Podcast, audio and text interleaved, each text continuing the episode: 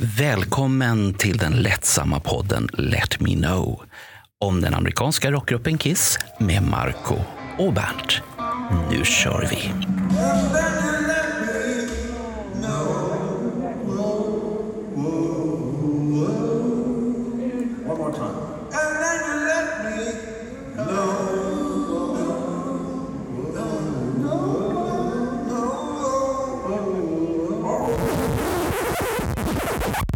Det sista kapitlet i den här Give Me More kategorin vi har och då är det sista grejen vi spelar. Sen vet vi inte om det kommer framtida avsnitt eller inte, men Nej. tanken är i alla fall att det är sista i den här, för den här gången, där vi ska nu prata om min, min musikresa och din musikresa.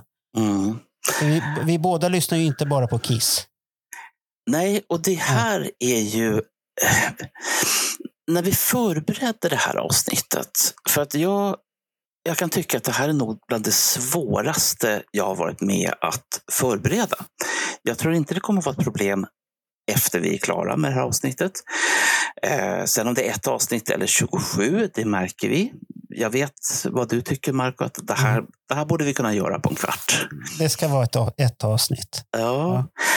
Och när man då går och öppnar sin musikaliska skatt och man tittar på vad man har lyssnat på för musik genom åren och framför allt vad är det vi lyssnar på förutom Kiss? Så blir jag lite överraskad faktiskt.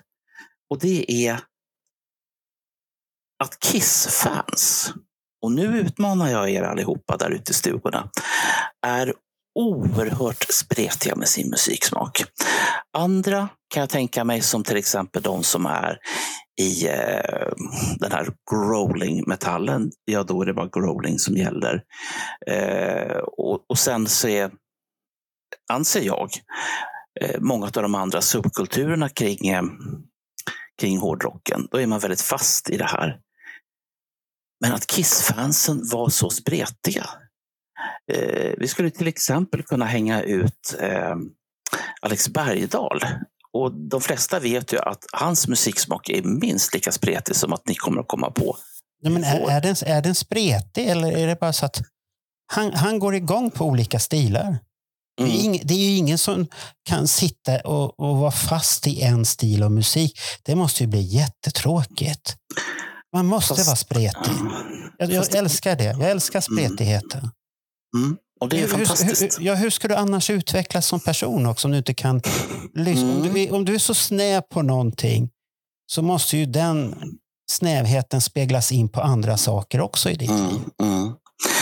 Ska vi göra som så att vi, vi börjar från den allra, allra första början. Eh, Vi är, det skiljer fem år mellan oss, vilket Mhm. betyder att min musikaliska resa börjar lite innan din. Men efter att ha kikat på din musikaliska resa så är jag lite överraskad över att du faktiskt hänger med mina fem år ganska så bra. Eh, och vi har ju olika utgångspunkter, var, var vi har hämtat vår musikinspiration ifrån. Och i mitt fall så handlar det om min syster. Eh, Min syster är 11 år äldre än vad jag är. Och Mm. 1966, då jag fem, kanske fyra och ett halvt, då började jag rota i min systers singelbackar. Och min syster är jättenoga med att jag får absolut inte ta fram några skivor och absolut inte lägga på några skivor överhuvudtaget. Nej, nej. man vet- Nå- man vet- Nålen kan gå sönder. ja, man tittat på den. Ja. Men, men däremot så tog hon sig tid och varje gång som jag ville spela någonting så, så tog hon eh, tacksamt och satte på den musiken. Och det allra, allra första som jag kommer ihåg, det är Beatles She Loves You.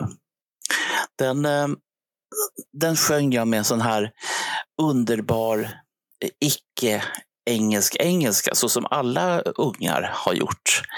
Eh, och det gick väl ungefär slavsche, ja, ja, ja, slavsche, ja, ja, ja. Det var ungefär vad jag kunde på den tiden. ja, men det, det var Men den bra. satte Ja, Ja, det, det, jag, jag, har sett, jag har sett värre i såna här idolupptagningar från ute i världen när de sjunger engelska och det låter fruktansvärt. Man bara undrar, du är vuxen och du kan inte det här. Vad är det frågan om? ja. Så att det där var bra för en femåring tycker jag. Du hade Ja. passat i de här idol och uttagningarna och alltihop. Mm. Ja, vi, hade ju, vi hade ju en svartvit tv-kanal på den tiden. Så att jag, ja, hade jag fått vara med i Hyrans hörna så kanske vi inte hade suttit här idag, du och jag. Då hade, Nej, nej. vi, då hade vi kanske Alltså, gjort någonting jaha. annat. Jaha, då hade du varit för stor för det här. Jaha, det här ser. Ja, mm, ja, nej, fan. Nej, Vi, nej, vi, nej, vi, okej. gör ju, vi gör ju det här för att vi tycker om varandra och vi gör det här för att vi har en, en passion för, för Kiss. Och Ja. nu så ska vi liksom in i det här. Det, det, det som, sen är ju då nu försökt att hitta vad ligger She Loves You på för album? Och det här är en sån här typisk grej från 60 och 70-talen. Det fanns inte LP-skivor på samma sätt som nu. Utan man levde i singlarnas värld. Det var väl bara på slutet av deras karriär det kom riktiga skivor, har jag för mig. Ja. De här Revolver och de här, de är väl på Mm. sluttampen då? Ja, medan allting som kom de första åren, eller vad ska man säga, inför de Mm. första plattorna, de kom på singlar därför att det var så man konsumerade musik på den här tiden. Eh, jukeboxar, och för er alla som är lite yngre, så är det en liten fin maskin som man stoppar pengar i och så trycker man på lite knappar och så får man höra musik. Och det var singelskivor. Alltså, ehm, alltså var de Spotifyare på den tiden då? Ja, Man kan jämföra Ja. det med Spotify. Mm. Att du, du plockar singlar här och där, skapar dina egna spellistor, dina egna album, dina egna Mm. favoriter och greatest hits och allt det här med vissa artister. ja. Ja, Så du var, du var tvungen att ha gott om 25-öringar på den tiden kan jag säga. alltså var det så billigt? 25 öre?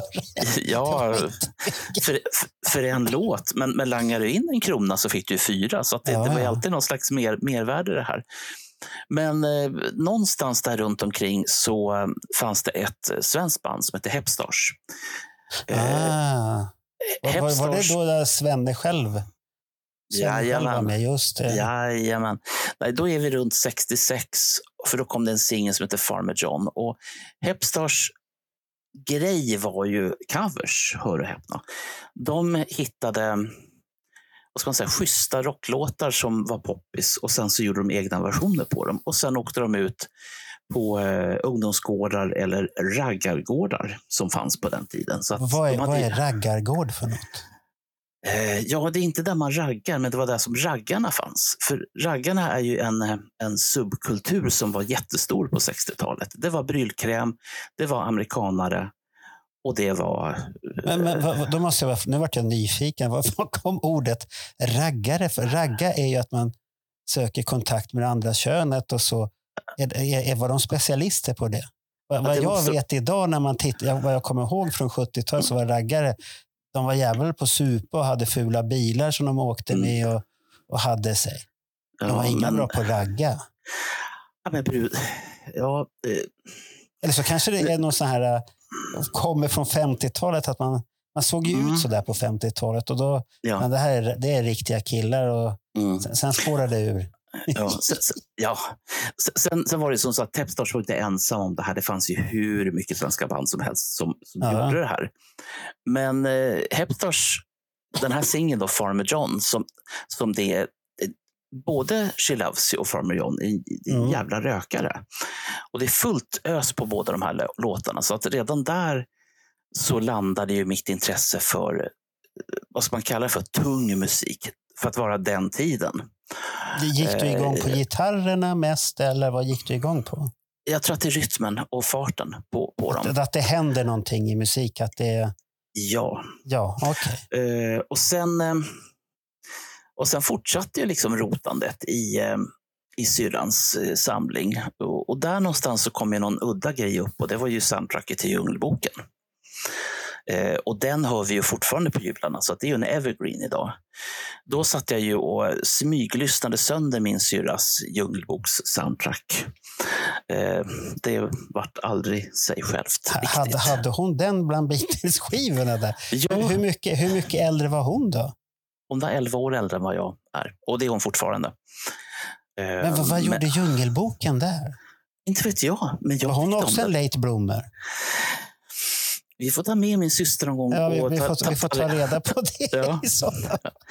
Men eh, i alla fall, jag var, jag var sju eller sex och ett halvt när jag köpte Ja. min första platta. Och Det var för egna pengar och det var Songs We Sang med Hepstars. Men det som skiljer den ifrån singlarna är att här har de blivit mer tillrättalagda. De är liksom lugna och sköna. Eh, Lotta Hedlund kom till eh, Hepstars 66. För de var ju här, eh, hon hade ett band som hette Cherelles där hon var en del utav. Och Svenne och Lotta fattade tycke för varandra där. Så att hon blev Mm. kvar och så vart hon en del utav Hepstars. Så den är liksom lite mera mm, lugnare. Det finns lite Povel Ramel och det finns lite det finns till och med en, en PK-låt där som eh, vi absolut inte ska spela för att då, Mm. då eh, kan det hända saker som eh, vi kanske inte... Ja, du vet. Ja, ja, okej. Eh, Men det som är lite kul med, det, med den plattan, det är ju att ehm, det finns en kille som heter Jörgen Holmstedt, som jag tror att du vet vem det är. Ja, det är väl och- han som har den här uh, tidningen nu för tiden som han jobbar Ja, med. rock'n'roll eller vad det nu heter. Va? Ja, Rock'n'Roll Det är väl den. Maga- Ja. Den är rätt så bra. Ibland, Ja. ibland är den riktigt bra tycker jag. Mm. Och ehm, han, ehm, han har ju gått en lång bana eh, och gjort djupdykningar i Thin Lizzy till exempel. Han hade ju deras fanclub under många år Mm. och var väl den på, på sin tid den hade den bästa medlemslinjen. Och det kan bero på att hans pappa hette Ulf Holmstedt och han var fotograf och han fotograferade allt. Allt som rörde sig eller inte rörde sig. Ah, okej. Och eh, på omslaget till den här så står det Ulf Holmstedt. Och det upptäckte inte jag förrän nu att det var pappa som hade. Jaha, där ser man. Okej. Ja. Sen, eh, men sen, sen, sen drar ju det här iväg. Eh, Sven och Lotta de går, de går solo. De träffar en, eh, en låtskrivare som heter Peter Himmelstrand som på, på sin tid var otrolig på att skriva svensktoppslåtar på svenska. Det finns jag Ja. vet inte hur många hundra låtar han har gjort. Och eh, Samtidigt så gick ju Benny Andersson som var med i Hepstars. Han gick och träffade Björn Ulvaeus som var med i Horten Singers. Och, ehm, och sen så tog ju de ytterligare en konstig vända för att helt plötsligt så eh, så har ju då Sen och Lotta gått, istället för att de har Peter Himmelstrands låtar alltså, så kör de, ehm, eh, de är tillbaka till Hepstars grej med 50-talslåtar och covers. Och de producerade Björn och Benny eh, ganska långt fram. Och hela vägen, jag tror fram till 73 då, för att jag har ett litet hopp här, eh, när det fanns en låt som heter Bang and Boomerang som ABBA skulle ha gjort. Men eftersom ABBA hade vunnit med Waterloo året innan så kände de, eh, nej, vi ska inte vara med igen. Vi ger bort den Men, men ABBA vann 74. mm, med Waterloo. Och, Ja. Bang, och Bang Boomerang kom med 75. Det är samma år som Jaha, Eh, okej. Michelangelo Du sa, och- och- du, du, du sa 73 där. Det, det, var, det var det var önsketänkande. Ja, bara. Okej, okej, okej. Det var önsketänkande. Ja, ja. Ja, så, att, så att där någonstans så, så, kommer ju, så kommer ju du in i det här. För att du landar ju med att du, du rotar väl i mammas skivbackar istället för min, din. Ja, det, bör, det började ju först och främst med Tintin. Om man säger så. För att jag kom ju 70, eller 69 kom jag till Sverige från Finland. Mm. Och då var jag fyra år och kom hit. Och då fick man ju lära sig svenska och det här. Och det, det gick ju rätt så bra. så att eh, Det gick så pass bra så att jag är inte här jättebra på finska längre. Men då, så. då, då, då har du ju lyckats. Så en, att, eh, eh, fi- fin, finska är väl mer som... Och åker jag till norra Finland så kan jag med förstå. Det, det är inte så mycket som behövs. Det blir... Ja, mm, och sånt här. Så att man klarar sig. Åka till Helsingfors så kan det vara lite jobbigt. Och då blir det Ella och såna här som är stora Kissfans. De har jätteroligt åt Mm. mig för att jag, jag förstår inte hälften av vad de säger ibland. Mm. Man står som ett frågetecken. Så att det blir att hon ko- kommunicerar på engelska till mig och jag pratar svenska. Det, det, för hon vågar inte prata svenska för jag tror hon har lärt sig det men hon vill inte. Så att det, det funkar på så sätt. Men då när jag kom hit då, då var det ju mycket att man gick till biblioteken för det upptäckte man och då lånade man ju alla Tintin-skivor ja. och, och sånt här och då var det ju mycket. Och det, min favorit som jag fick sen det var ju eh, Tintin på Svarta ön. Eller hette den Mm. Den Svarta ön? Eller Tintin? Det var någonting med Svarta ön i alla fall. Ja, Med gorillan där bredvid. och, och ja. Müller. Müller, så här, mycket gangsternamn. Müller, alltid så här. Müller Mm. hette Dr. Müller och fan vad de hette, de här gangsterna som var med Gam, där. gam, gamla nazistnamn låter det som. Ja, men, men, men de, de, de var ju riktigt bra och det var ju bra inlevelse av de som berättade de här storiesen Mm. alltid. Så att de satt man och lyssnade på. Men då kom det ju som du sa, min mamma och min styrpappa, som nu blir pappa här, så kommer jag säga pappa Mm. enklast då. Ja. Eh, de konsumerade ju mycket musik. De hade en så här maffig stereo som är platt Mm. och lång med eh, skivor och kassettdel. Och man kunde få rätt så bra ljud ur den. Högtalarna var väl inte det bästa, men det var så här Luxor. Men, Ja, men det- man, kunde skrä, man kunde skrämma grannen om man ville med den, om man säger Mm. så. Och, och, Kan, man säga, kan man säga att de var good enough? Ja, det kan man ju säga. Det, det, det låter bra jämfört med det som många ungdomar lyssnar med idag. Så låter Mm. Så- det väldigt mycket bättre många gånger, näst- tycker jag. Det, det låter nästan som audiofilkänsla på något vis det här. Ja, ja, lite åt det hållet. Så att Mm. då när man lyssnade, då hade de ju så olika skivor. Och den första skivan jag fastnade för, eh, det var en Cliff Richard-skiva. Och då, då var det jättehårt. Och det var en live-skiva. Och den börjar med Shout. Den här gamla klassikern. Ah, då, då trodde jag att här, det, här, ja, det måste vara en jättehård kille det här. mm. Man visste ju inte då. Det, hade ingen, det fanns ingen Facebook och det fanns inget internet. Det, det var svårt med nyheter överhuvudtaget. Man gick inte ut och, man visste ingenting så att man fick ju bygga upp sin egen bild. Han är hård och man satt, det var en dubbelskiva jag för mig. Man vek upp den så fanns det konsertbilder och visst, han hade en Plectus, hade han en rolig jättesmal mikrofon som ser Mm. mer ut som en jävla penna som han sjöng i. Som många var- engelska artister hade på den. Engelbrekt och alla de här. För det fanns ju min mammas skiva, men det var ingenting Ja. för mig. Men det, det var det första jag kom i kontakt med som jag tyckte var hårt. Och jag har funderat på när jag satt här och gjorde den här listan att det där kan inte min mamma ha köpt. För det är Mm. inte min mammas typ av musik riktigt det där. Och, så det måste pappa ha köpt den här skivan och Ja. då har han hamnat där. Och han, då, då fanns ju den här Alvin Stardust som jag pratat förut om Mm. som hade den här Red Dress som jag gillar. Och det är väl den enda låten jag gillar på den skivan idag. För Vi har det, det, vi där var det de här gitarrerna. Gitarrerna var ju jättehårda. Mm. Oj, oj, oj, vad hårt det var där. När, vi sen det, kommer och fram, och, ja. ja, när, vi, när vi sen kommer fram till glammen, då kan vi prata gitarr. Jaha, ja, okej. Det, Men, men, den här, men, men den här skivan då är ju ändå... Den här kom ju precis... Jag tittar, jag har för mig att datumet var 74 på den där skivan. Så den kommer Oj. i samma sväng som Kiss började sin skivkarriär i USA. mm. Och det börjar dyka upp i Europa. Så att 75 då när jag får min första Kiss-skiva, då gillar jag ju det. Men samtidigt så finns det det här lite i bakgrunden och skvalpar. Och jag vet inte om det har påverkat för mycket på det sättet. För att det som annars fanns i mammas och deras skivback, det var ju Bonnie M. Det vet ju alla. Mm. Det, det gillar jag än idag. Bara man hör en Bonnie M-låt så går man igång. Village People. Dina favoriter som du har haft en fanclub ja, ja, ja. Så att det, och, det, och, och, då tänkte man inte på att det var gay. Jag har för mig att min mamma pratade om att de var eh, bögar, som de man sa då, fult ord, men det, Ja. det var det man sa. Mm. Men det vet inte jag om alla i bandet var ens en gång. Det var väl bara någon som kanske var det i bandet. Jag vet inte. Eh, Off- officiellt, officiellt så var de det och inofficiellt så vet i fan. Nej, jag, jag tror inte att alla var Ja. det faktiskt. Men, Ja. men då var det sånt och sen var det Donna Summer också. Mm. Får, får Men, få... men den skivan, Ja. kom- men får jag bara säga, den skivan kom Mm. ju 76. mm. Jag för mig. Den, den Donna Summer-skivan som jag har på listan här. Ja.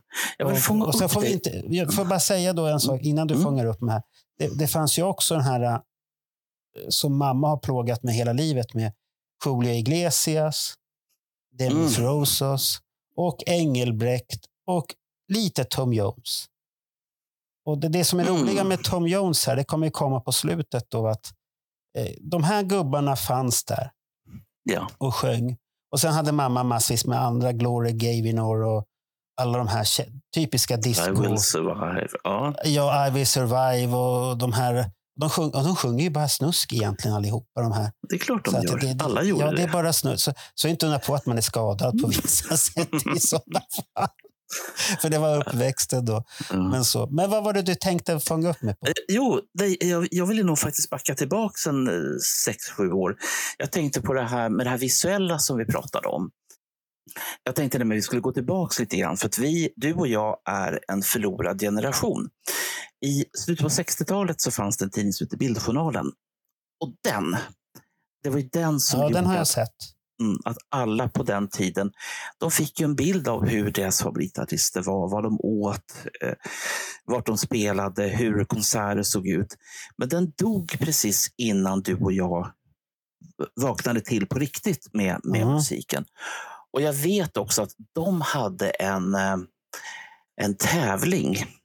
Eh, för det var två artister som gällde un, under ett tag. Det ena var Tommy Steele och det andra var Cliff Richard. Var man Tommy Jaha. Steele eller var man Cliff Richard? Och ibland så kom Elvis med i det där, men, men vi lämnar Elvis utanför just nu. Ehm, och det var ju Tommy som vann, alltid.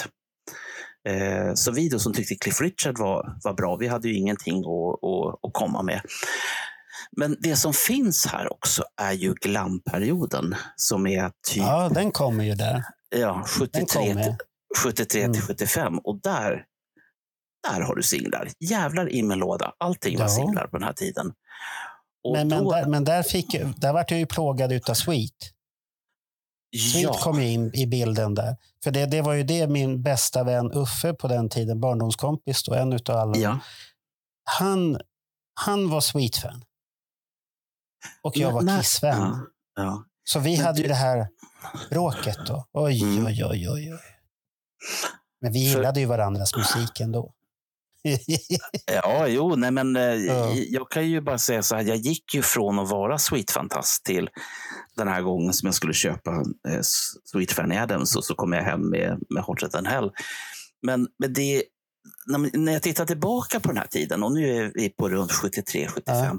Det fanns så in i helvete mycket artister, alltså singelartister, som hade kanske en fyra, fem hits. För då var hitsen viktiga, ungefär som det är idag. Ja, ja. Eh, Du har ju Sweet, som du sa, Hellraiser, du har eh, Fox on the Run, du har Action. Och du har ju deras tidigare grejer också med allt vad kokor och eh, Ja, men, men, de, men de hade jag ingen aning om. De Nej. visste inte jag fanns ens. Då, visste, då när jag fick den här första som jag hörde med Sweet, det var ju Action. Mm. Den det- På den skivan då. Det, det var den han hade. Mm. Jag hade ingen aning om att det fanns kokonötter och fan vad det var för någonting. Så när de gick till den här konstiga perioden med Oxygen, Mm. vissa Sweet ja men det där är logiskt. För mig var det så här, men vad är det här för någonting? Ja, ja, Nu kommer men- disco in idag. ja. Det, det, kom det, in- ja. är ja, konstigt. Du, du kom ju in med Sweet liksom när de var som allra, allra hårdast. Ja, de var Eh, jättehårda. Och, och där hade du ju till exempel under den här tiden Susie Quattro, jättehård läder Ja, och alla hennes hits på den här tiden.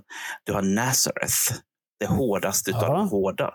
This Flight Tonight till exempel från 73. Så mjukade de till ja sig. den, oj, oj, oj. Den är bra. Eh, Men du har också faktiskt ett svenskt glamband som en del Vilka glömmer tänk- bort. Vilka tänker du på då? Det är Tears. De kom från Katrineholm och ifrån, hör och häpna, Nynäshamn. Var, var det de som var blåa i ansiktet också? Ja, Där det finns en SVT-dokumentär. ja. Ja, den, den har det jag sett. ja. Och det, kom, det kom faktiskt ut en dubbel-CD för inte så länge sedan med alla de här hits. För de har ju varit svåra att få tag på just av den här skälet som jag pratade om att det fanns singlar och de är ju knastriga och, och Ja. danna. Eh, sen har det ju eh, samma period så har ju ett annat hårt band som heter Georgie. Där gick ju sen och hamnade i AC/DC. Du har Slade som var jättehårda. Ja, de var Eh, bra. Och sen så har vi de, påverka, de, de påverkade ju Kiss också. Ja, fast det visste vi inte då. Det visste vi först Nej, långt, det, det visste vi inte då. långt senare. Eh, vad har vi, ja, som sagt, sen har vi Stardust, vi har Roy Wood och Wizard, vi har Sparks, vi har David Essex. Jag, menar, jag, jag kan rabbla hur länge som helst så att eh, öronen trillar av på er allihopa. Men, men, men, det är de här, men det är de här åren som, som du inte fick vara med om live därför att du är de här sex år yngre. Nej, nej, då, då var jag för liten. Då var jag för liten. Ja. Och, och, Och, och där kommer ju, här. Nej, ja. nej. Där kommer ju sen Queen kommer. Eh, 10cc, de superhårda Runaways går 76. Cherry Bomb till exempel. Ja. Eh, och det är liksom, det, det, det är bara hur mycket som helst. Har du grejer där runt de här åren, 73 till 76, så tufft och tungt som du eh, har med dig? Nej, i, i, nej det, det är Sweet och Kiss som gällde då riktigt. Jag lyssnade ju på Runaways och de här också, men nej, där, där var det väl mer Lita Ford som var häftig utan orsak. Vi ska inte gå in på vad, men eh, ja, alltså, det, det, nej, jag lyssnade. Jag hörde ju låtarna ibland när man lyssnade på radio och sånt här. Mm. Men det var ingenting, det var ingenting i min, den här umgängeskretsen som jag hade då som lyssnade på det. Mm. Det, det var det ABBA, ABBA kom in. Många var ju ABBA-fanatiker. Och så. Och då, då var ju Kiss jättelöjligt tyckte man. Men jag stod hårt vid det och det, Kiss Mm. var viktigt. Och Mm. jag hade några klasskompisar som vi tillsammans tyckte att Kiss var bra. Just det, det är den här Så. tiden, det är den här tiden som, som jag kommer ihåg när jag tittar tillbaka.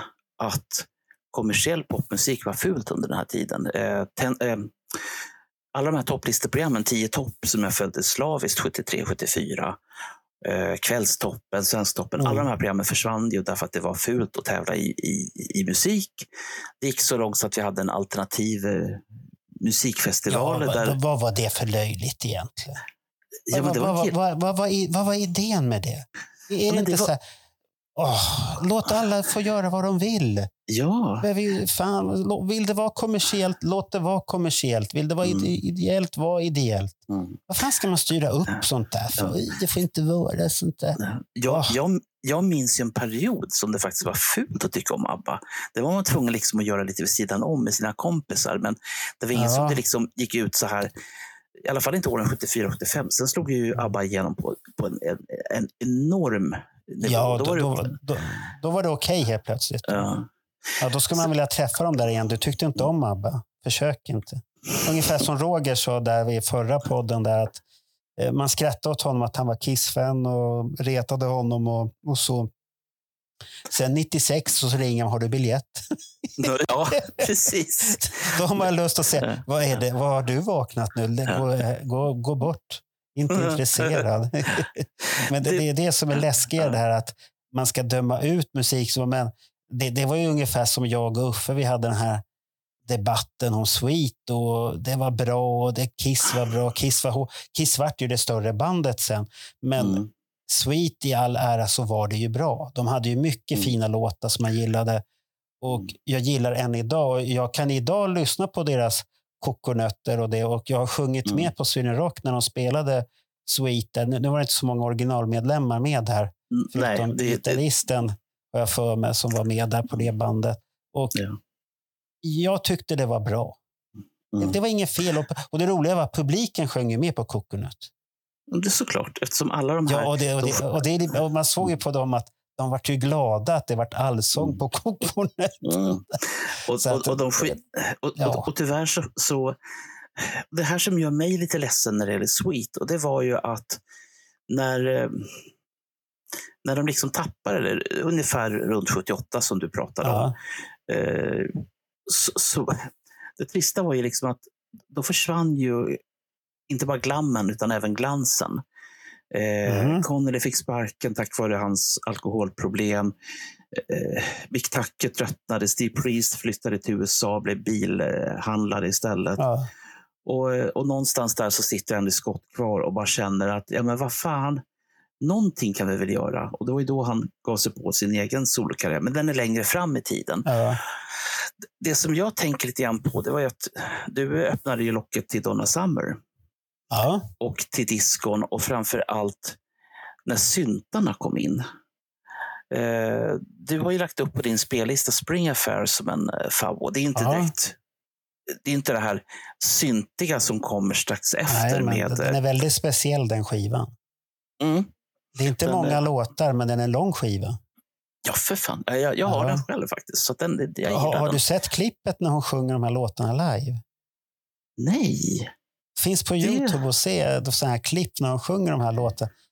Väldigt Coolt. speciellt. för då eh, Tänk dig det i publiken och du vet hur låtarna anspelar till Mm. vissa saker. Och, Ja. och Samtidigt så ser hon väldigt sensuell ut. Och, och hon var ju en väldigt vacker kvinna också. Mm, mm, Nu är hon död och dog i cancer tyvärr. Men det är hela den biten och stämningen så får du en speciell vibe, hennes Mm. musik. Och i samma veva som den kom så kom ju då, först var, nu kommer inte jag ihåg, var det Grease som kom före?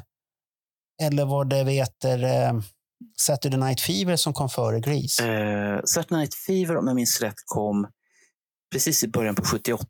Och om jag Ja. minns rätt så kom Grease runt våren 78. I alla fall på bio i, Okej, i, okej. i, i Sverige. Jaha, så de men- kom så nära varandra i alla fall? Ja. Åh fan, det kommer inte jag ihåg ens en gång. ja. Men, men de filmerna kommer jag ihåg att de, man var ju påverkad av dem. För man kan ju tycka vad man vill om musiken och skratta åt den idag, men till exempel Saturday Night Fever, det är en bra film tycker jag. Och Mm, musiken i den, den passar ju jättebra med Bee Gees och alla de här. Och Den har ju hur mycket gamla discorökare som helst i den. mm, mm, Så att det, det är ju riktigt så här grym, grym musik tycker jag i alla fall. Och Mm. Jag älskar det. Och nu, kom, nu, nu är säkert folk chockade. Vad gillar Marco disco? Men, men Ja. jag gillar det, för det, det finns någonting i musik och det är det som jag tycker är, är viktigt för mig. Att musiken måste ta tag i mig. Mm, Tar, tar den tag i mig på något sätt, då, då diggar jag det. Och då blir det att den hamnar på mina listor och jag Mm. lyssnar på artisten och sånt där. Och det var ju därför du och jag var på Tove Styrke. Därför att vi är så breda i vår... Ja, för vår... det är en artist som jag har gillat ända som idol för att hon hade någonting som var lite annorlunda Mm, jämfört med de andra idolen som bara är där för att bli kända. mm, De har ingenting annan agenda och det, det blir lite för mig fel för du måste ju ha någonting Mm. annat än jag ska bli känd. mm. Vad är det för vits med det? det visst, Gene Simmons och de ville ju bli kända utan en viss orsak. Det, det vet Mm. vi ju. Ja. Men det fanns ju samtidigt en... De kunde skriva sin egen musik. Och det är ju jätteviktigt. Ja. Om man säger så. Men Donna Summer och det, det, Mm. det, det gillar du också misstänker jag. Ja, därför att Donna Summer är producerad av eh, dels Georgia Moroder som redan på Ja. glamtiden hade en solokarriär och skrev låtar till Mm. andra. Son, Son of My Father som Chicory Tip gav ut Mm. och så vidare. Det finns massor med hits som han hade på den här tiden. Men han kände att han inte liksom nådde ut själv. Så att han flyttade och satte sig i Tyskland. Och Tyskland är ett intressant land som eh, både du och jag har artister Ja, ja. som vi eh, känner mycket för. Och tack vare Giorgio Moroder och Peter Bellottis eh, insatser på Casablanca så finns det ju idag enormt mycket klassiker som fortfarande finns kvar. Men det de gjorde var ju också att de fick ju, de fick ju fart på syntarna. Ja, Eh, ja. Och Det, och det, då är menar det är en viktig Ja. grej. mm, och då menar inte jag subkulturen syntarna, utan Nej. instrumenten. Eh, för där så kom ju Giorgio Moroder, Peter Bellotti. Eh, ungefär samtidigt så slår Kraftwerk, Tangerine Dream och Jean-Michel Jarre igenom. Mm. Fast jag har inte upptäckt dem ännu. Inte ännu för min del har de inte kommit in i mitt Var- liv. Någon Var, av de är- här var, banden. du, var är du i tiden med dem? du, är- du är fortfarande 70, jag är där med Donna Summer vid 76, 77, 78.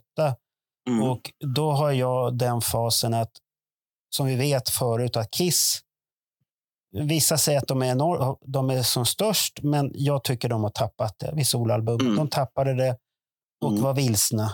De visste Mm. inte var de var. Och då upptäckte jag då annan musik som eh, Sex Pistols, som inte du verkar... Du verkar inte riktigt lika förtjust i dem, men för, för mig var det Mm. en fruktansvärt häftig platta. Och samtidigt så var jag fascinerad av den här um, imagen som de hade. Och det, det har förföljt mig när jag tittar på de banden jag har lyssnat på Mm. och lyssnar på än idag så är det mycket image i dem. Att är det en häftig image så kan jag Ja. falla för det. Så att jag är lätt förförd på det sättet. Mm. Så att är det en show så kan jag tycka wow, eller artisten har någon utstrålning. Wow, det här är bra. Mm. Sen, sen kanske när jag kommer Ja. hem så var det kanske inte så jävla bra som jag tyckte. Men man, man, jag blir lätt förförd av det i alla fall. Mm. Och då var Sex Pistols en sån grej. Det fanns ju lite andra band runt omkring där. Ramones som Mm. jag ly- lyssnade lite på då, men inte på samma sätt. Och det där, för det var ju ändå, man försökte ju ändå ge Kiss chansen. Man köpte Kiss, de här Mm. skivorna som kom, Dynasty, Unmask, men det var, uh, Mm. var besviken. Och, Ja, och sånt här. Men det, det som är roliga där då också, att då upptäckte jag då Black Sabbath och Status Quo. Och det var ju tack vare Ah. mosters man. Han hade en Mm. skivback från sin ungdom. Ja. Och ungdom och ungdom, för de här skivorna är inte så, ändå så gamla, men han har köpt de här innan han har träffat min moster och varit jättetråkig om man säger Ja, så. ja, ja. För då, ja. då köpte, sen köpte han ingen musik alls, bara var tråkig. Men innan dess så hade han köpt den här sab, eh, skivan med Sabbat, Bloody Sabbat. Mm. Och du vet, när jag drog upp den från skivbacken, vad är det här för någonting? Det står 666 på sängen och det ligger en Mm. människa. Det här måste vara farlig musik. Mm. Och den, den älskade jag, den skivan. Och så har du Status Quo, den här uh, svarta skivan med gråa silhuetter på. Med vissa Mm. klassiker som Roll Over, Lay Down och andra klassiker på Ja. också. Och det var så här, det, det är gitarrock och Black Sabbath är det här tyngre. Så någonstans Mm. såg det i mig någonting, det här farliga. Mm. Farliga är intressant i mitt liv. Så att då, då, då finns det band som alltid hugger tag i mig och tar tag. Och det, den, det kommer väl speglas på mitt 90-tal. Mm. Då, då, då är det mörker och ändå, ändå Ja. ska jag vara i mitt lyckligaste stund, men det är mycket mörker i musiken. Ja, jo. Alltså, så- Eh, du, du var inne på Sex Pistols här och Ja. eh, säger att inte jag gillar Sex Pistols. Så det, Mm.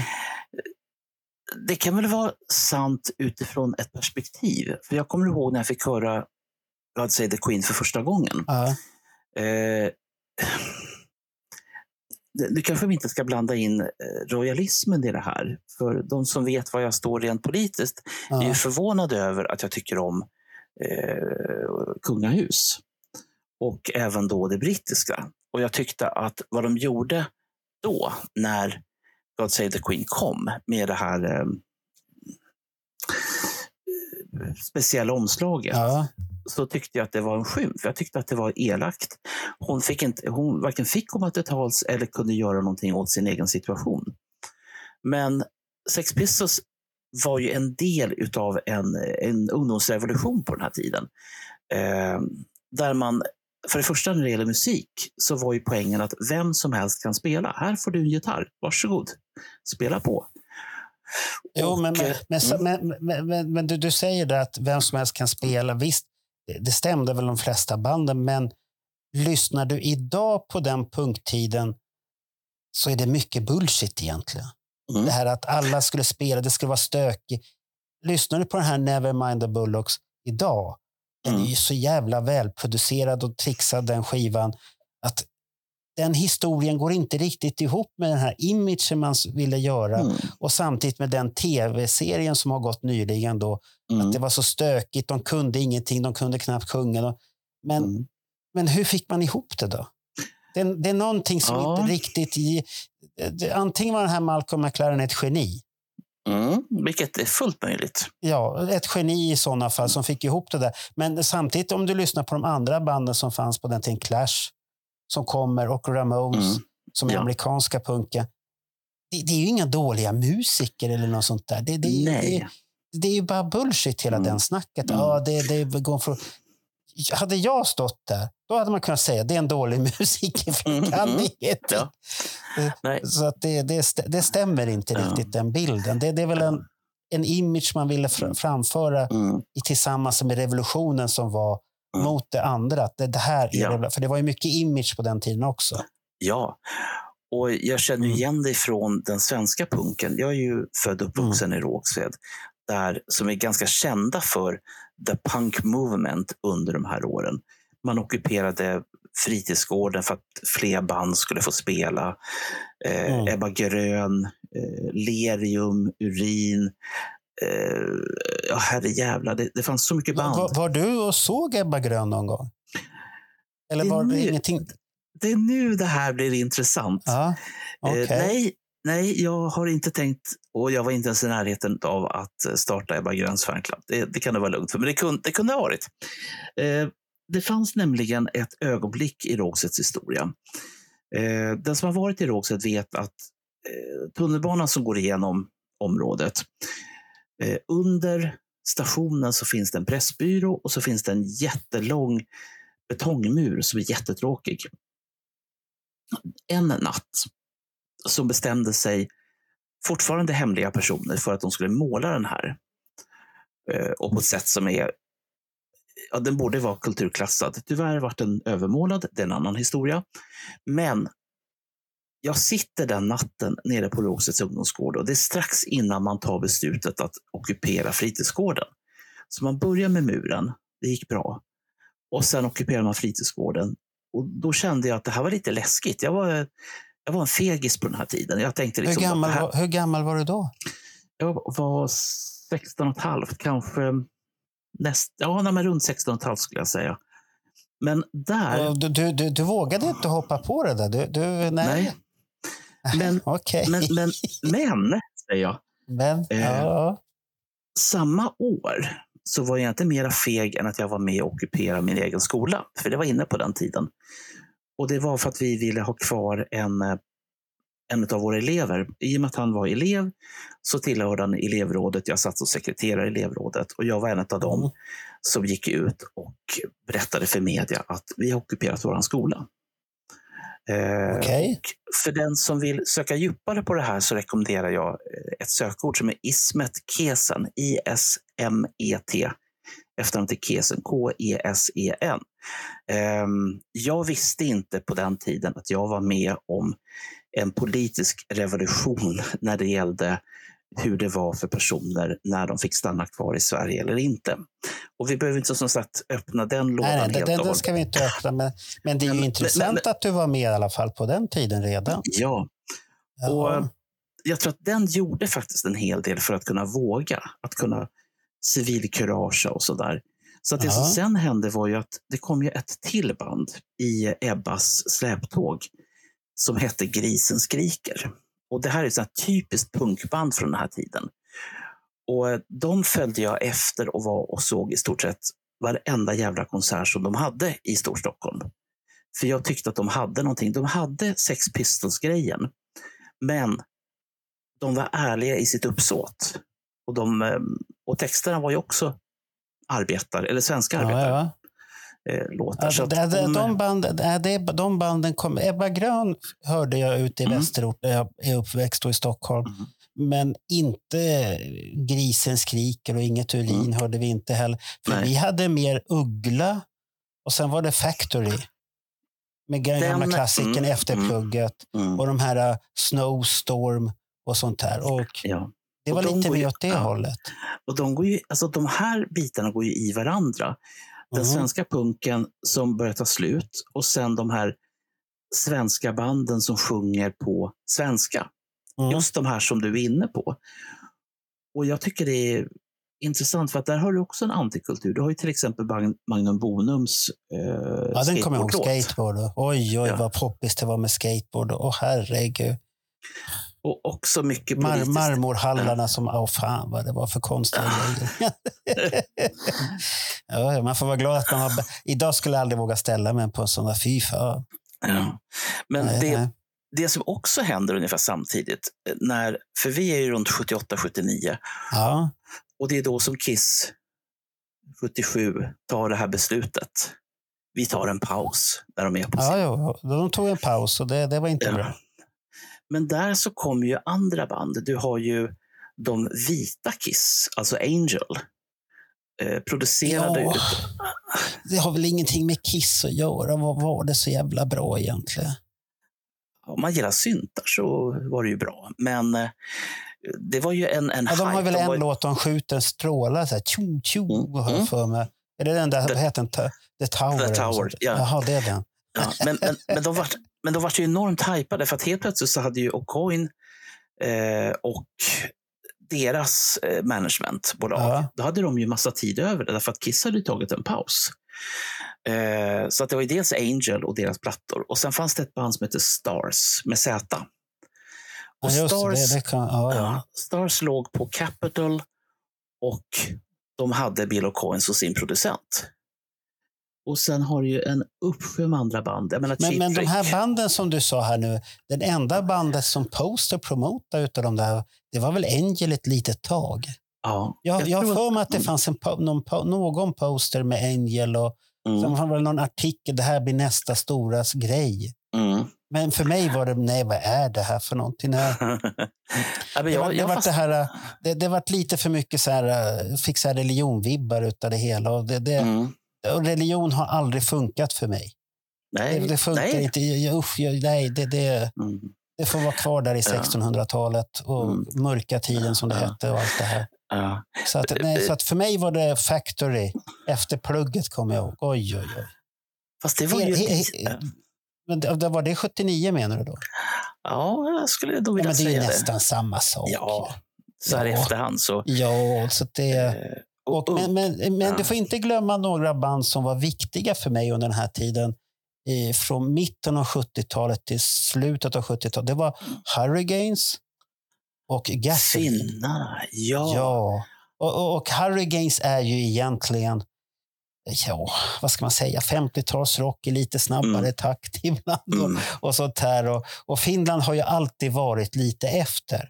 För det, det, Mm. det kommer jag ihåg när jag åkte till mina kusiner utanför Helsingfors. De bodde två timmar från Helsingfors. Man åker mot Ryssland i Lo- Lovisa. En- Man pratar svenska där. Men, Mm. men det var inte poppis när man pratade för bra svenska när man kom dit. Okej. Expediten, expediterna pratar ju svenska, men de pratar finlandssvenska. Och så Mm. svarar jag på perfekt svenska. Ja, då skiftade de om till finska, de jävlarna. Det kommer jag ihåg. Och det var så här, vad är det här för... Ja, Det var bara så här jättekonstigt. Och det, men då, då kommer jag ihåg mina kusiner när jag kom dit. Jag hade ju Kiss och Olivia Newton-John. Det var ju så här, Mm. oj, oj, oj, vilken kvinna och allt det. Och så kommer man dit och då har de så här affischerna. De hade ju tidningen Såsicki. Och de klippte, Oh, upp, klippte ut allting med Kiss till mig. mm. Och sen Kiss-affischer, det fick jag. Eh, alltihopa. Men de hade ju ett band som hette Bay City Rollers på väggarna. Ja. Och, och jag förstod ingenting. Och de hade Osmonds också. Och jag förstod Mm. ingenting. Vad är det här för någonting?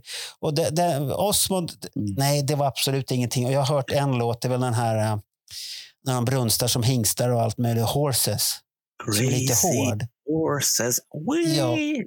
Ja, de brunstar som vilda hingstar där och är Ja. alldeles till sig upphetsade där. Mm. Det kan man ju förstå. Man är, de var väl mormoner, var de inte det? Jo, absolut. Ja, jag har för mig. Då, då kan man det bli så där i huvudet på. Men, men det roliga var att Bay City Rollers, de var ju de här som hade här rutigt.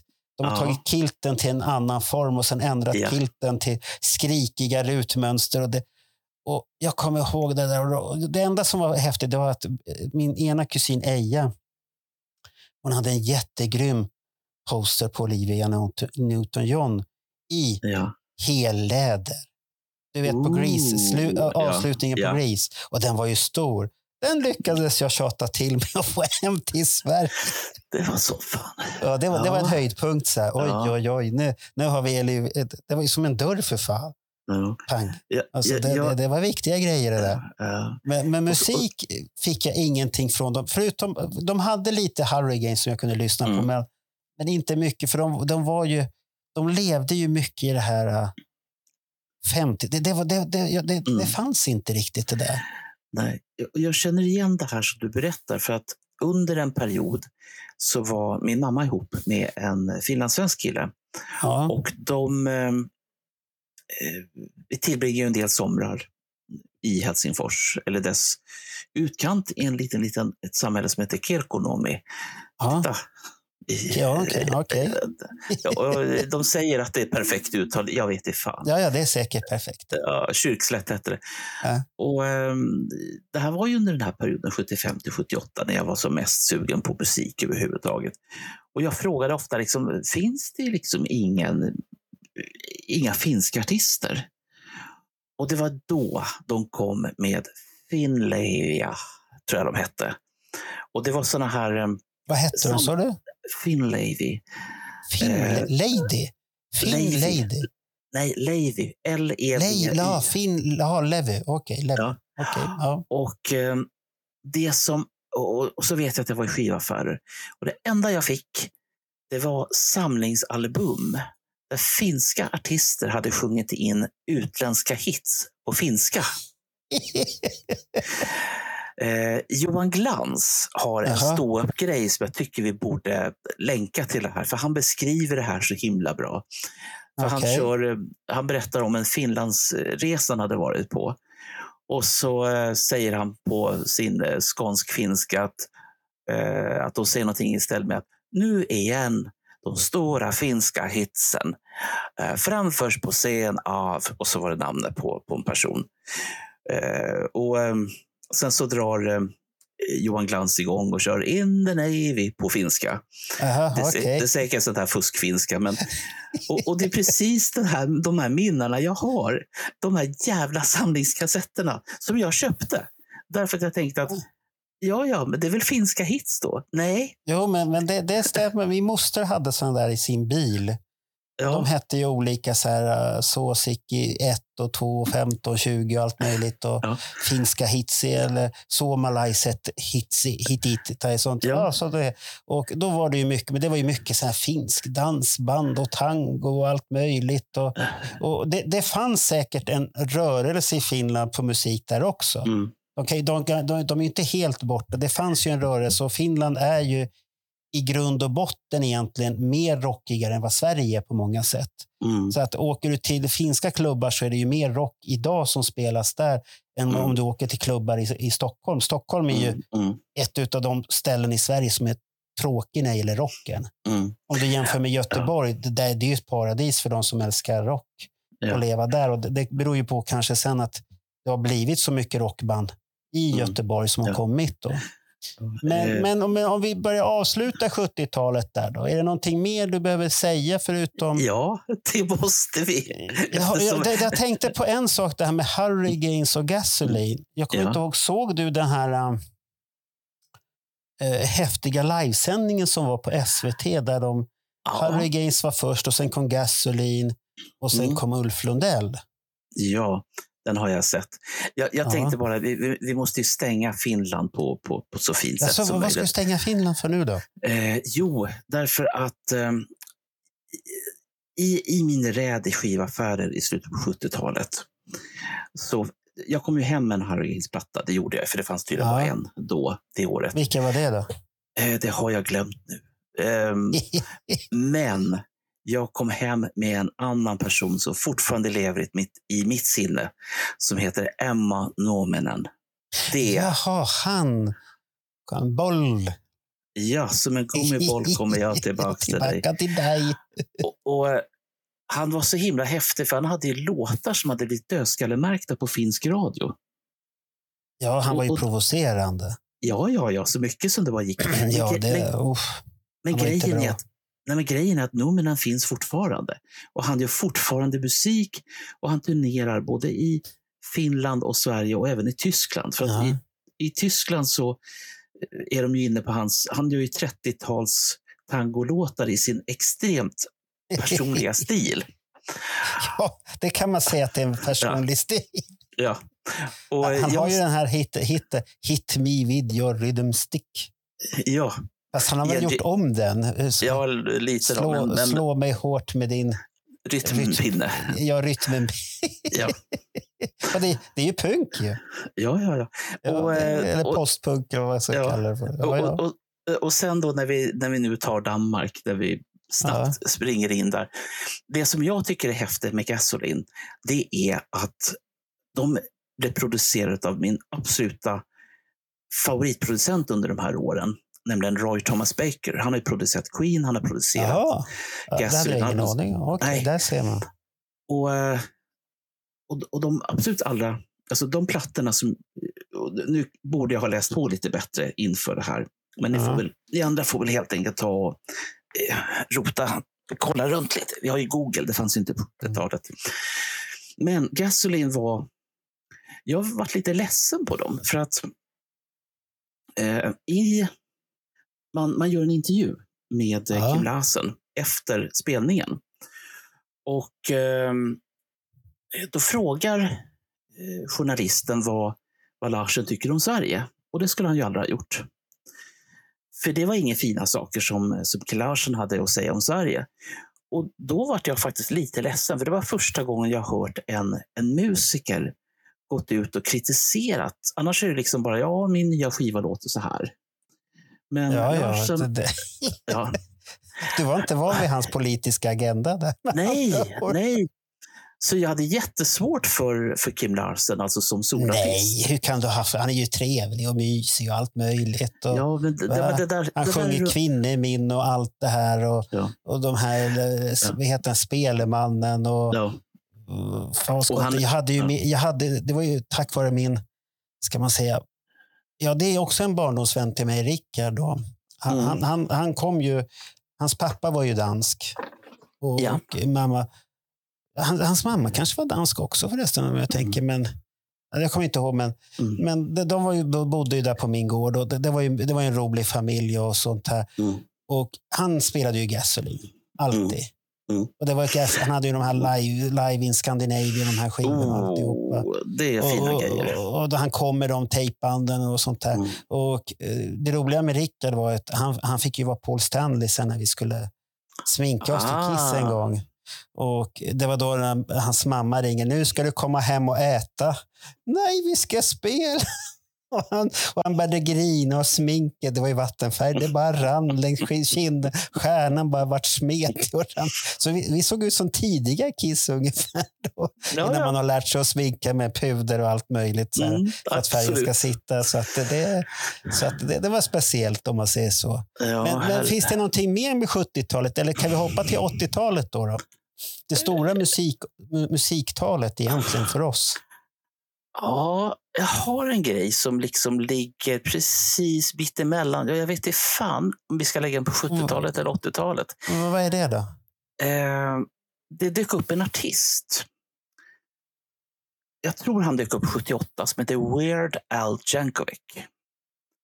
Han gjorde en låt som hette Another One Rides the Bus. Som i grund och botten var en parodi på en Creed-låt som hette Ah, ja, okej. eh, Another bite to dust. Ja. då. Ja. Mm. Och han, Började han så tidigt? Ja. Och sen finns det ju även eh, My Bologna. Eh, som finns i en originalversion som heter My Mm. Sharona. Så han började redan där. Och nu har de ju precis gjort en film om hans liv. Där allting kommer tillbaka igen. Okej, Gillar du honom? Jag tycker han är sanslöst rolig. Var du För på han- Grönan när han spelade sist? Nej. I'm Nej, very då, sorry. då, hade, då, då hade jag kunnat säga att då, hade du varit där så hade du varit samtidigt som min yngsta son Gabriel. Han, han Mm. var där. Mm. Han åkte dit och han sa till mig så här, "Ja, jag ska på konsert nu, jag ska se han som är jättebra. Och så här. Och vem fan ska du se? Då sa han namnet. Ja. Vad fan, lever han fortfarande? Var Mm. Ja. Håller han på fortfarande? Ja. Ja, men han är jättebra. Och de gick Ja. dit och tittade på Han gillade Ja. det väldigt mycket. Mm. Och det, det, och, ja, och det är Så- polka och det är dittan och datan. Det han Ja. berättade i en intervju ganska nyligen, det var ju att han, han gjorde självklart en cover på en låt som hette Feels like Teen Spirit. Ja, ja, jo, det, det har jag sett. Och eh, Nirvana tackade honom, för, de hade, för på den tiden eh, så var han så pass populär så att om han paro parodiserade någon Mm. så drogs originalet också med. Jo, men det, att- det kan jag tänka mig att Ja. det vart så. Det vart en Och, effekt utav det ja. hela. Och, och Nirvana Mm. mätte det här och de mätte det till Ja. en miljon extra sålda album tack vare Ja, eh, det, Jankovics ver- version.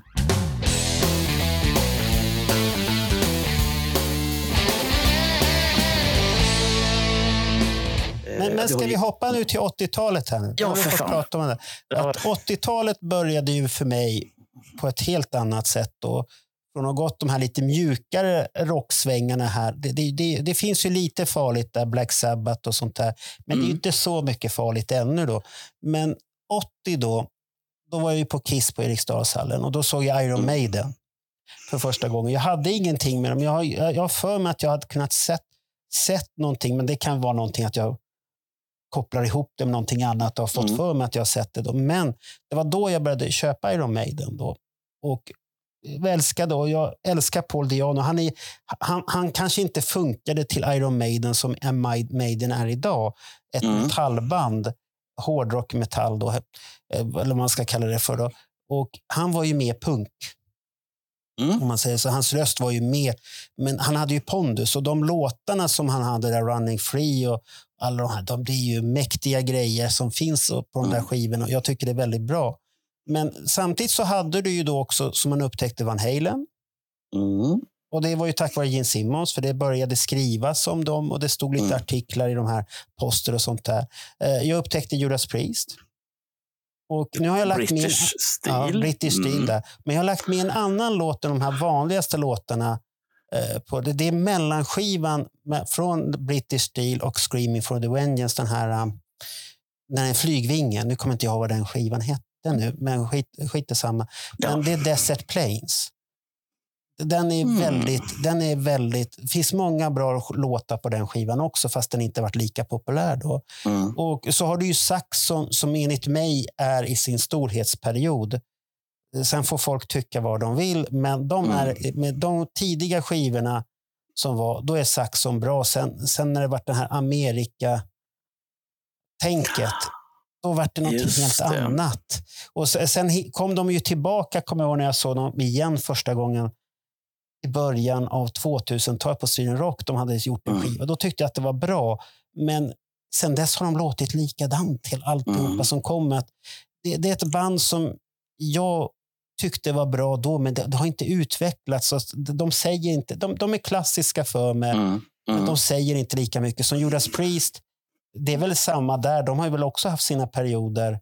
Mm. Men där finns det ju så mycket låtskatter att plocka av. Och, Mm. och Van Halen, vad ska man säga om dem? Det, det vart ju bra. Sen vart det ett annat Van Halen med Sammy längre Hagar. fram. Ja. Ja, med Sammy Hagar, men jag tycker fortfarande det är bra, för det, det är bra musik.